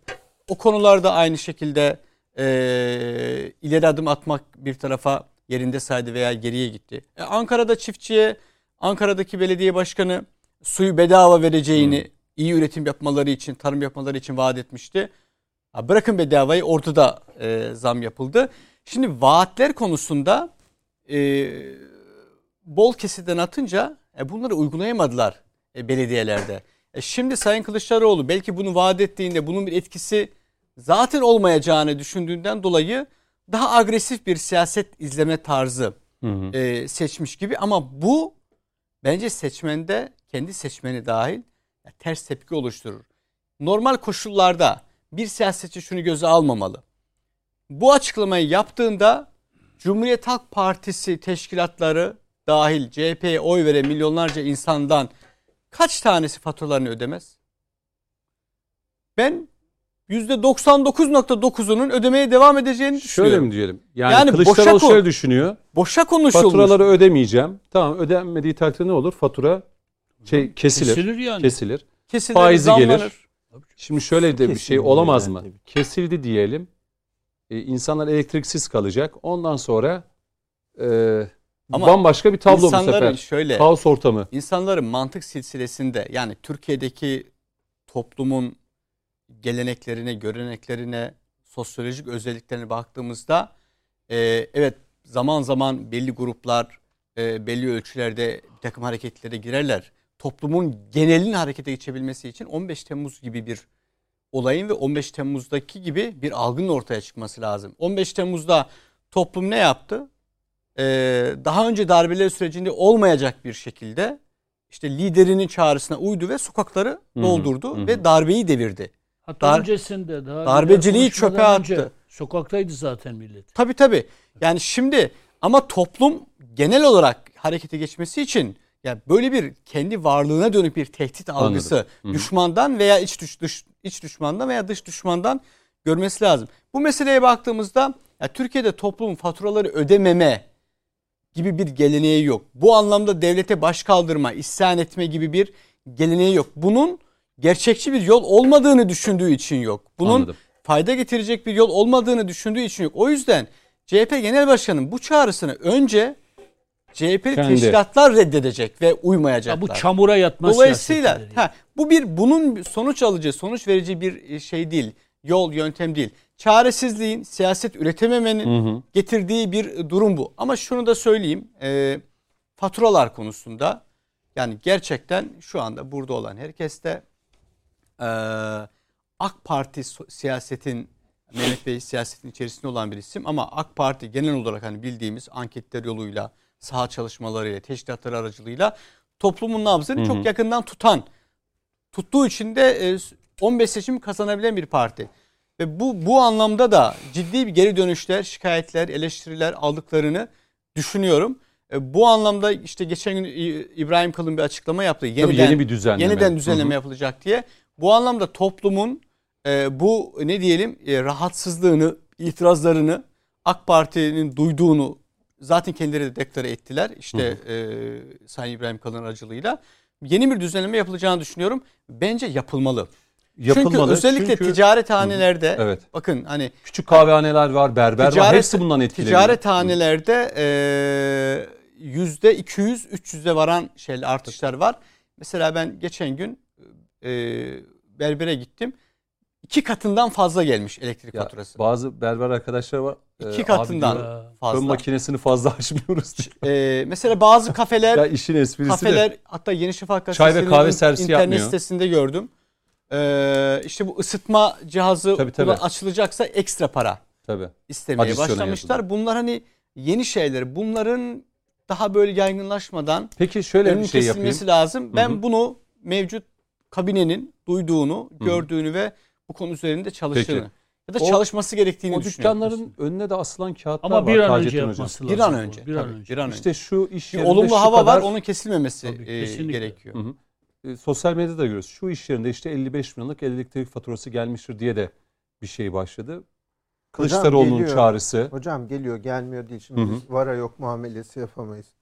Yani mağdum muamelesi Yani vara yok kadar- dersen yok olursun Tabii. diyor. Kırgız bu destanındaki. kadar bu kadar büyük hakaret olmaz insanlara. İnsanlara yani bizim arkadaşlarımıza da kızıyorum ben bazen. Adamın cebi yanmış, sen hala yok yanmamış. Kaç tane telefonun var, kaç tane tişörtün var diye adama hesap soran arkadaşlarımız oluyor.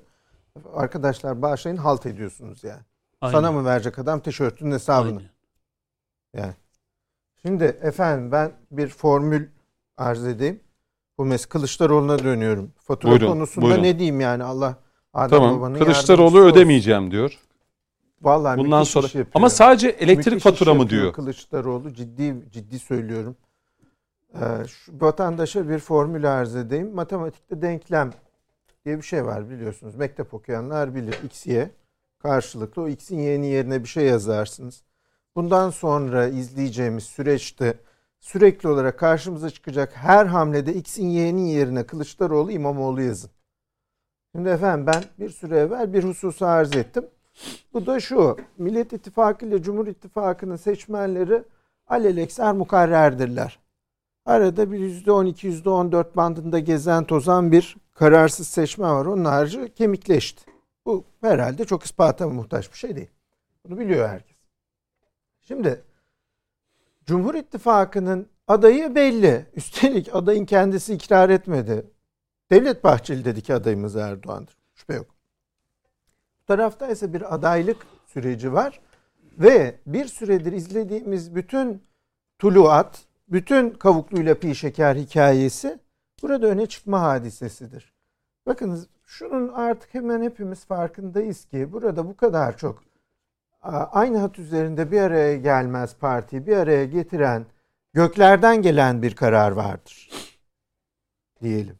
O da Cumhuriyet Halk Partisi'nin e, genel başkanlık katının bir üstündeki katta temsil edilen bir irade oldu. 13. Artık artık 12 13 14 ama ben ona Zembilli Ali Cemal Efendi diyorum. Zembil sallandırıyor aşağıya. Tuncay Özkan da diyor ya yukarılardan geliyor kararlar bize beyan ediliyor diye. Şimdi efendim burada şimdi İmamoğlu ile başlayalım. İmamoğlu tamam çok zeki durmuyor karşıdan ama o kadar da saf dil değildir herhalde. Kılıçdaroğlu da çok büyük bir siyaset dehası değil. Fakat sürekli karşımızda ilginç şeyler görüyoruz. Şimdi kar mevzuunda yazdım ben bunu. Akşamdaki köşeme tene, tenezzül edenler bakabilirler. Lütfetmiş olurlar. Ee, Kılıçdaroğlu'nun geçtiğimiz bir ayına bak sevgili kardeşim. Neler yaptı? Tu2 bastı değil mi? Gitti pat küt Hı. bam bum. Hakaret etti Cumhurbaşkanı'na. Herkes hakaret ediyor. Aslında tabiatında da yok adamın ha yakışmıyor da. Bir de böyle yaptı falan. Bir de bulamıyor da elini. Bir de bakıyor eli gözüyle de arıyor. Harekete bir bakın. Yani alışmamış elde hareket de durmuyor. Bilerek yapıyor. Ondan sonra bey kardeşim Milli Eğitim Bakanlığı'nın gitti kapısına kilit vurdu falan filan. Bir ay ya siz siyasetçisiniz iyi biliyorsunuz. Bu yüksek performans. İyi iş yani. Bu Kılıçdaroğlu'ndan beklenecek iş mi değil. Müthiş iş. Adam gündemi domine etti bir ay. Sonra İmamoğlu çıktı. Hiçbir şey yapmadı hocam. Bir hafta kendinden bahsettirdi. Hiçbir şey yap. Millet İttifakı'ndaki hakim akıl şudur. Cumhur İttifakı'nın seçmeni, Cumhur İttifakı'nın yazarı, Cumhur İttifakı'nın Mehmet Metineri Yusuf Özkır'ı kime daha çok tenkit ederse, kimden daha çok bahsederse, kimi daha çok taan ederse o parlayıp öne çıkacak. Akıl budur. Zaten diyor ki adam burası mukarrer. Şimdi bak sayalım yani mesela talebelerin akbil kuyrukları kilometreyi bulan yıllardır yapılıyor bu, bu memlekette. Akbilin nasıl yapılacağını bilmeyen yok. Evet. Olmuyor. Kendinden bahsettiriyor İmamoğlu. Bu İETT'deki hadiseler falan filan ben hiçbirinin tesadüfi olduğunu düşünmüyorum.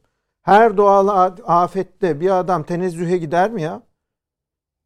Demek bilerek yapıyor bak. E, o kadar da faturalarla bunun bir şeyi var. mı? Arz ediyorum sevgili Öyle hocam. mi? Arz ediyorum Peki. sevgili hocam. Üst Arz- süreyi de son 15 dakika. Tamam bitiyor şimdi hemen hocama Peki. devrediyorum. Buradaki Kılıç İmamoğlu'nun parlayışı diyorum ya formülü verdim. Bu saatten sonra her şeyin yerine İmamoğlu Kılıçdaroğlu yazın. Faturaları da oraya bağlıyorum. Şimdi adam gitti bir balıkçıya balık yedi. Karda kara battık, çamura battık bir şey oldu falan filan. Bir hafta ondan bahsettik. Kılıçdaroğlu'nun bir aylık mesaisi boşa gitti. Ne yaptı Kılıçdaroğlu? Hilton'da bir poz verdi efendim. Bak üç günde ondan bahsettik Ama faturasından. faturayı şeyinden, ödememiş. Şimdi yeni bir bilgi geldi. Bedava, bedava yatırmışlar. Yatırırlar hocam. Sahibinin kim olduğu malumumuz. mühim Şaka değil. şaka diyorum yani. Ha. Hocam mühim değil. Üç gün kendinden bahsettirdi. Doğru o Bak, otel, Boğaz. Bak Kılıçdaroğlu Gerdanlık. büyük iş yapıyor. Büyük iş. Kitlesel bir çağrıda bulunuyor. Kılıçdaroğlu. Şu anda Peki İmamoğlu kontra ile gelecek mi Kılıçdaroğlu- İmamoğlu ve geliyor ekibi? mutlaka geliyor. Hmm. Hocam karşımıza çıkan tablo şu. Pratikte bir karşılığı yok bir de Kılıçdaroğlu'nun yaptığının. Demirtaş değil o. Bak Ekrem Demirtaş çıkıp şunu mu söyleyecek? Ben de su suyu bedava mı yapıyorum diyecek. Hocam orasını bilmem. Çünkü ikisinin de kendi şahsi çalıştıkları ajanslar majanslar var. Aslında şahsından böyle in- şey değil. insiyaki çıkmıyor Kılıçdaroğlu'ndan. Fakat bildiğim gördüğüm şu var. HDP, PKK, MKK işte orada KCK ne diyorsanız o örgüt şeması içinde bir yerdedir Demirtaş. Çıkın dediği an çıkar birileri. Hmm. Kılıçdaroğlu sabaha kadar davet etsin. Kimse çıkmaz. Kendi örgütü çıkmaz ya bu soğukta dışarı. Dolayısıyla bu Çıkmaz. çağrısına da kimse uymaz Hiçbir diyorsunuz. pratik karşılığı yok ama bir yandan da kitleleri mobilize edici bir laf ile vitrinde öne çıktı. Şimdi İmamoğlu bunun karşında bir atak yapacak. İmamoğlu'nun Suyu ataklarının, bedava mı yapacak? İmamoğlu'nun ataklarının karakteri aksiyon değil, reaksiyon da değil. Hiçbir şey yapmamak. Kendisine Garip bir şey. Şimdi mesela Vatan Caddesi'ndeki ağaçları kesebilir. Ne bileyim yani boğaza kezzap dökebilir bir şey yapar ama neticede şunu söylüyor. Ey Millet İttifakı'nın seçmeni en çok bana bağırıyor bunlar. Bu yandaş havuzcular var ya bu sakallılar taşlı yüzük takıyan taşıyanlar. En çok bana bağırıyor en çok benden çekiniyor o zaman aday benim. Yani Kılıçdaroğlu'nun tezkereye hayır deyişi de bu cümledendir. Bak ben tezkereye hayır diyorum o kadar bagajsızım ki sağdan gelmiyorum. Hmm.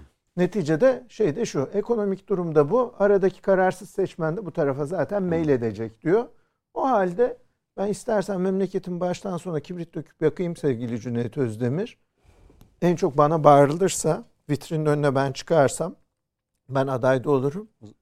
Ondan sonra bu seçimde bir şekilde inşallah götürürüm. Kafasıdır. Kılıçdaroğlu'nun bu çağrısı da bu cümleden. bir rekabet. Kılıçdaroğlu'na Hmm. soruyorum kaç para geldi faturan ama bakmadan söyleyecek. Daha bilmiyordu. Ama bundan sonra söyleyeyim. gelecek hiçbir faturayı ödemeyeceğim diyor. Ama sadece elektrik faturasını Büyük yani. laf. Doğalgazda suyu söylemiyor. E tamam. Telefonu söylemiyor. Coşkun Başbuğ bir 5 dakika vereyim size. Sonra bir 5 dakika son bölümde Sayın Metin'e e, bir söz vereceğim. Özellikle Yeni Şafak'taki yazısı ve e, Türkiye Kürtlerini de e, yakından ilgilendiren bir e, haber mi diyelim, duyuru mu diyelim, dernek mi Yeni diyelim. bir oluşum. Evet. yeni bir oluşum var. Ondan bahsetmesini isteyeceğim. Öyle bitireceğim. Buyurun. O zaman Mehmet abinin süresinden mm, almadan hemen şunu da başlık olarak söyleyeyim. Mehmet abi az önce bir cümle kurdu. Dedi ki Kılıçdaroğlu eğer ödemezse, o elektrikte kesilmezse ben o şirketi sorgularım dedi. Ayrıcalığı olmamalı dedi. Yürekten katılıyorum. Şimdi ben e, vatandaş coşkun yola çıksam bir alıcım da olsa ve desem ki hiç kimse kardeşim devlete 5 kuruş vergi vermesin. Faturalarınızı ödemeyin bir isyan, bir kaos ortamı yaratılsın. Şimdi benim bu söylediğimin, bu söylediğim cümlenin hukuken bir karşılığı olması lazım. Doğru mu? İsyana teşvik ediyorum milleti. Çok özür diliyorum. Taceddin Kutay öyle bir Pasif şey örnek verdi ki işte karşılıklı hamleler gelecek diye. Kılıçdaroğlu bunu söyledi. Şimdi halk ekmekle alakalı bir açıklama. Ee, 11 Şubat Cuma günden itibaren 2 TL'den satılacaktır kamuoyuna e, bilgisine sunarız diye. Sayın İstanbul. Komutanım özür dilerim. Bir İndiriyorlar mı etmeye TL? gayret Ha? ettim ya. Zam Bir- mı yapıyorlar? Evet 1.25. yani 1.25'te 2 TL olacak. Bir formül arz etmeye gayret Vatandaşlarımızı ödememeye Bu onun bir örneği mi? Faturayı ödese bile kestirtir o elektriği Kılıçdaroğlu evindeki. Kesilmesi Ben zaten- ya? Onu yapar, bunu yapar. Tamam. Konusuna Hayır, bu, gir. bu bir örnek midir? Mesela yarın konuşulacak mı bu? Yani gündemi Şu an. hangisi domine edecekse tabii ki bir örnektir. Mesela Yalnız- elektrik faturamı ödemeyeceğim. Halk ekmek 2 lira oldu. Tabii. Cuma günden itibaren. Buyurun. Ş- ay, Şunu da e, bilmekte fayda var. Şimdi bu Kılıçdaroğlu'nun söyleminin bence hukuken bir karşılığı olmalı. Bu hiç lafı eğip bükmeye gerek yok. Doğrudan halkı isyana teşvik. Ve bu Kılıçdaroğlu'nun yaptığı ilk iş değil. Adalet yürüyüşü hatırlar mısınız? İlk daha ortalığa döküldüğü an Hı hı. o gün de aynı şeyi söyledim. Bugün de aynı yeri söylüyorum. Bunların hepsi planlı programlı provokasyona dönelik eylemler. Murat neydi? Arzu neydi? O adalet yürüyüşüyle başlayan yürüyüşte binler on binler arkasına takılır. Herhangi bir köy ilçede bir anda sokak çatışmaları başlar. Ülkenin geneline yayar. işi bitiririz. Şimdi burada da aynı mantığın işlediğini görüyorsunuz. Evet Kılıçdaroğlu isyana teşvik olarak bu cümleyi kurdu karşılığı olur olmaz ama hani Allah korusun eğer bir karşılık da bulursa tabanda Kılıçdaroğlu'nun arkasında elinde çakmak bekleyen tonla provokatörü göreceksiniz. Bunlar tesadüfen olan olaylar değil. Planlı programlı bir takım dikte ettirilmek istenen söylemlerle ortaya çıkan başlıklar. Siz iki konuğumuzun da karşılık bulmayacağının tersini mi söylüyorsunuz? Kılıçdaroğlu burada bu çağrıyı yapıp yeniden bir yürüyüş. Hadi sok. Hadi Hayır, protesto deneniyor. en önde ben olayım. Ay deneniyor. Hı hı. Bunların içinde isyan çıkarma var. Bunların içinde kargaşa yaratmak var. Bunun içinde kaos yaratmak var. Bunun içerisinde çatışma ortamını e, hazırlamak var. Ama şu ana kadar Allah'a şükür karşılık bulmuyor. Niye? Millet şerbetli. Millet ne zaman sokağa çıkacağını çok iyi biliyor. E şimdi bu söylemleri Kılıçdaroğlu kendi hür iradesiyle mi yapıyor? Yoksa bir yerlerden bu metinler dikte edilerek önüne mi getiriliyor? Hı hı. Ha, balıkçı lokantasına mı bu metinler uçuşuyordur? Yoksa otel odalarında mı talimatlar geliyordur bilmem. Onu devlet biliyor ama bunların ben tesadüfen söylenmediği kanaatindeyim ve kesinlikle işin sonunda inşallah her şey ortaya Peki. çıkacak. Hı hı. Ee, bunların planlı programlı bir takım odaklar tarafından kışkırtıldığını bilmekte büyük fayda var. Karşılığı var mı? Alıcısı var mı? Ee, bilmem ama Demirtaş'ın söylemiyle bu söylemin arasında bana göre hiçbir fark yok. Doğru. HDP'den birkaç gün sonra değil mi? Hafta başıydı galiba. Salı gün, pazartesiydi. Böyle bir çıkış geldi. Şimdi Kılıçdaroğlu da ödemeyeceğim diyerek Şimdi bir destek gibi. Ee, burada e, hani elektrikle ilgili bu Kılıçların tavrı net ortada. Bunda hiç şey yok. Ama fiyatlar konusuna gelince gerçekten ortada bir ciddi sıkıntı var. Bakın herkesi geçin ben sıkıntı yaşıyorum. Yani emekli memurum. 200 gelen fatura bir anda 600-700 gelince hesap yapıyorsunuz neden böyle oluyor diye. Burada devlet bir tedbir almalı. Kesinlikle onda hiç şeyim yok. Şu- Pek çok şey düşünüyor. KDV düşünülüyor. İşte orada e, yüzde bir, e, 210 kilovatın işte 250 hatta 300'e çık. Pek çok formül şu anda konuşuluyor. Ama bakın şu gerçeği de görmekte fayda var. Peki onu alayım hemen. Bakın şu gerçeği görmekte de fayda var. Şu an yaşadığımız ek- enerjideki kriz dünyanın krizi. Bakın biz elektrikte şu an e, şeyi savunmuyorum mevcut şartları Hı hı. asla. Yani kesinlikle tedbir alınmalı. Bu ciddi bir sorun. Bir el atılmalı. Ama hani hep bazı kesimler özellikle diğer yerleri örnek gösterirler ya bize. Hı hı. İşte biz battık yıkıldık karşı taraf bolluk refah içinde yaşıyor diye. Türkiye şu an elektriği en ucuz Avrupa'da kullanan ülke. 1.37 kilowatt. Hemen bizden bir sonra gelen İsveç 3.16 tam 3 katımız. Arayı okumuyorum. Fransa, İspanya, Hollanda bunlar hep sıralı gidiyor. En üstte İngiltere var. 6.07. Yani sizin 5 katınız, 6 katınız. Ha birileri hemen şunu ta- e, takıştırabilir. Ya oradaki, Oradaki- gayri safi milli hasıla, kişi başına düşen gelirle Değil. Kardeşin yaşıyor evet. Yurt Ciddi dışında. yüksek doğalgaz faturaları gelmeye Ha, başlamış. İnanılmaz. Şimdi doğalgaz mesela oradan da örnek vermeye kalkarsak Hadi çabuk verelim çünkü Sayın Metinlere Tamam, hemen şunu da vereyim. kalmayacak. Şey yapalım, Bu konuda konu- söz vermem gerekiyor. Konut doğalgaz gene Hı hı. Türkiye 2.74 ile en ucuz Avrupa'da ve bir sonraki bakın bizden bir sonraki İngiltere 14.04. En pahalı da İsveç 37.29. Evet. Yani şimdi Yani bu tüm gerçeği de dünyanın görmekte aslında fayda enerji var. konusunda, Heh. enerjiye erişme konusunda e, tedariki, arzı, kullanımı Ama burada Met- el yakıyor. Mehmet abiye katılırım. hı. Özellikle elektrik şirketlerinin ciddi taşın eline altına sokması Ya gerek. 10 lira yerine 1 lira kar etsin diyorlar. Ha. Peki. Şimdi e, şöyle bitireceğiz. E, Sayın Metinler'in 8 Şubat 2022 e, Yeni Şafak gazetesindeki köşe yazısında Türkiye Kürtleri olarak yeni bir ses veriyoruz. Demokrasi ve birlik diyoruz. Hatta yazısında şunu söylüyor. Türkiye'nin Kürtlerine yeni bir seçenek sunulmalıdır. Onların sesine kulak verilmelidir ve onların talepleri iştenlikle dinlenmelidir. Demokrasi ve Milli ve Birlik e, Demokrasi ve Birlik Derneği ni kurdunuz. Evet inşallah. Hayırlı olsun. İnşallah. Bir grup amacınız arkadaşımızla- nedir bu derneği kurarak? Yazınızda pek çok şeyi anlatıyorsunuz ama belki izleyicilerimiz için, ekran başında olanlar Yani için. Pazartesi günü resmileşti. Bir grup arkadaşımız da bu derneği kurdu. Bu Hı hı. yeni bir oluşum. Bir siyasi parti değil, bir dernek STK çalışması. Ee, Türkiye Kürtleri e, deyimi çok önemli. Keşke vakit olsaydı bunları uzun boylu açıklayabilseydik. Ee, Yani Amerika'nın Kürtleri var, PKK'nın Kürtleri var, Türkiye'nin Kürtleri var. Bu ülkeye aidiyeti olan Kürtlerden bahsediyoruz. Hı hı. E, dolayısıyla e, e, biz Onları şunu bir çatı altında toplama. tabii yani şöyle seslerini- şöyle düşünüyoruz. Yani Kürt denildiğinde PKK üzerinden yapılan bütün okumaları Hı hı. E, PKK'nın HDP'nin sanıldığı gibi Kürt olmadığını, İstanbul merkezli mi? İstanbul merkezli, genel merkezi burada. Şu an ben kurucu genel başkanlığını yapıyorum. Türkiye'nin satında e, adım adım inşallah e, şubeler açacağız. Bizim amacımız şu, iki amacımız var. Ve Türkiye Kürtleri adına iki şey talep ederek ortaya çıkıyoruz. Buyurun. Bir, koşulsuz ve katıksız bir demokrasi, hür ve eşit yurttaşları olan bir demokratik cumhuriyet. İki, ortak vatanımızda tek devlet, tek bayrak ve tek millet anlayışıyla eşitliği ve kardeşliği önceleyen birlikte yaşam. Ee, Türkiye biz Kürtlerin ülkesidir. Bu devlet biz Kürtlerin devletidir. O yüzden ayrı devlet taleplerini birliğimizi bozucu fitne girişimleri olarak şiddetle reddettiğimiz gibi etnik temelli federasyon ve özerklik taleplerini de birlikçi anlayışımıza zarar veren girişimler olarak görüp reddediyoruz. E, Bu uzun boylu bir manifestomuz var. Durduğumuz yeri gösteren terörün ve şiddetin her türüne karşıyız. Sorun çözme yöntemi olarak terörü şiddeti esas alanlardan ve sırtını silaha dayayan siyasetlerden beriyiz. Biz el, bir elde silah bir elde siyaset olmaz. Teröre karşı olduğumuz gibi terörün siyasetine de karşıyız. Ee, derneğimiz bu ülkeye kendini her anlamda ait gören, bu milletin değerlerine düşman olmayan, terör ve şiddet yöntemini koşulsuz reddeden tüm Kürtlere açıktır. Hepsini kucaklamaya geliyoruz. Birlikte çözüm üretmeye geliyoruz.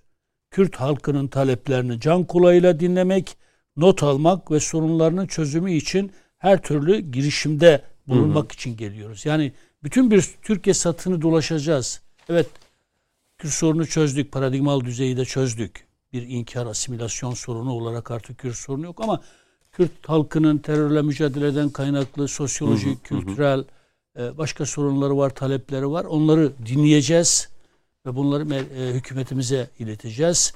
Biz sorunlardan nemalanan bir e, Kürtçülük Anladım. anlayışı yerine Çözen. Türk kardeşlerimizle Hı hı. kol kola girerek Kürt halkının e, taleplerini e, yukarıya taşıyan ve bu taleplerin çözümüne katkı sağlayan. Yani bir siyasi parti değil. e, Evet. Buradan nemalanan değil. Tamamıyla sorunları çözen Kesinlikle. bir dernek. Şu vurgu bir çok önemli. olacaksın. Şu vurgu Buyurun, çok önemli bitirelim. manifestomuzdaki. Biz sadece Kürt değiliz.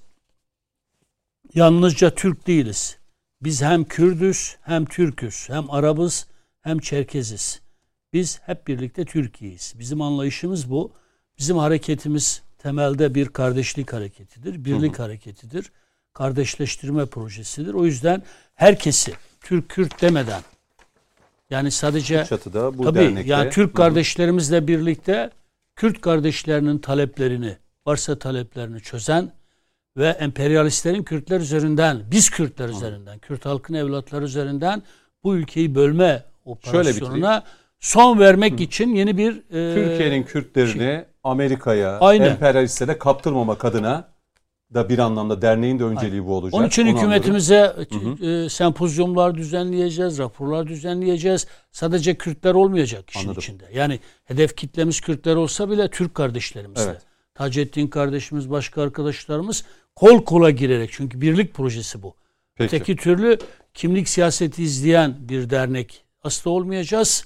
E, onun için diyoruz biz sadece Kürt değiliz, Türk değiliz. Biz birlikte Türkiye'yiz ama Kürt vatandaşlarımızın sorunlarını çözerek hem PKK'nın HDP'nin imtiyazını, istismarını ortadan kaldırmaya çalışıyoruz. Hem de bir e, PKK, e, Kürtleri PKK'nın silahlı vesayetinden, HDP'nin de siyasi vesayetinden kurtarmak e, çok çok önemli. Hayırlı olsun diyorum. İnşallah. Ee, Mart ayında da önümüzdeki günlerde de İnşallah. gezileriniz de olacak galiba. İnşallah. Onları da mutlaka burada paylaşacağız. İnşallah.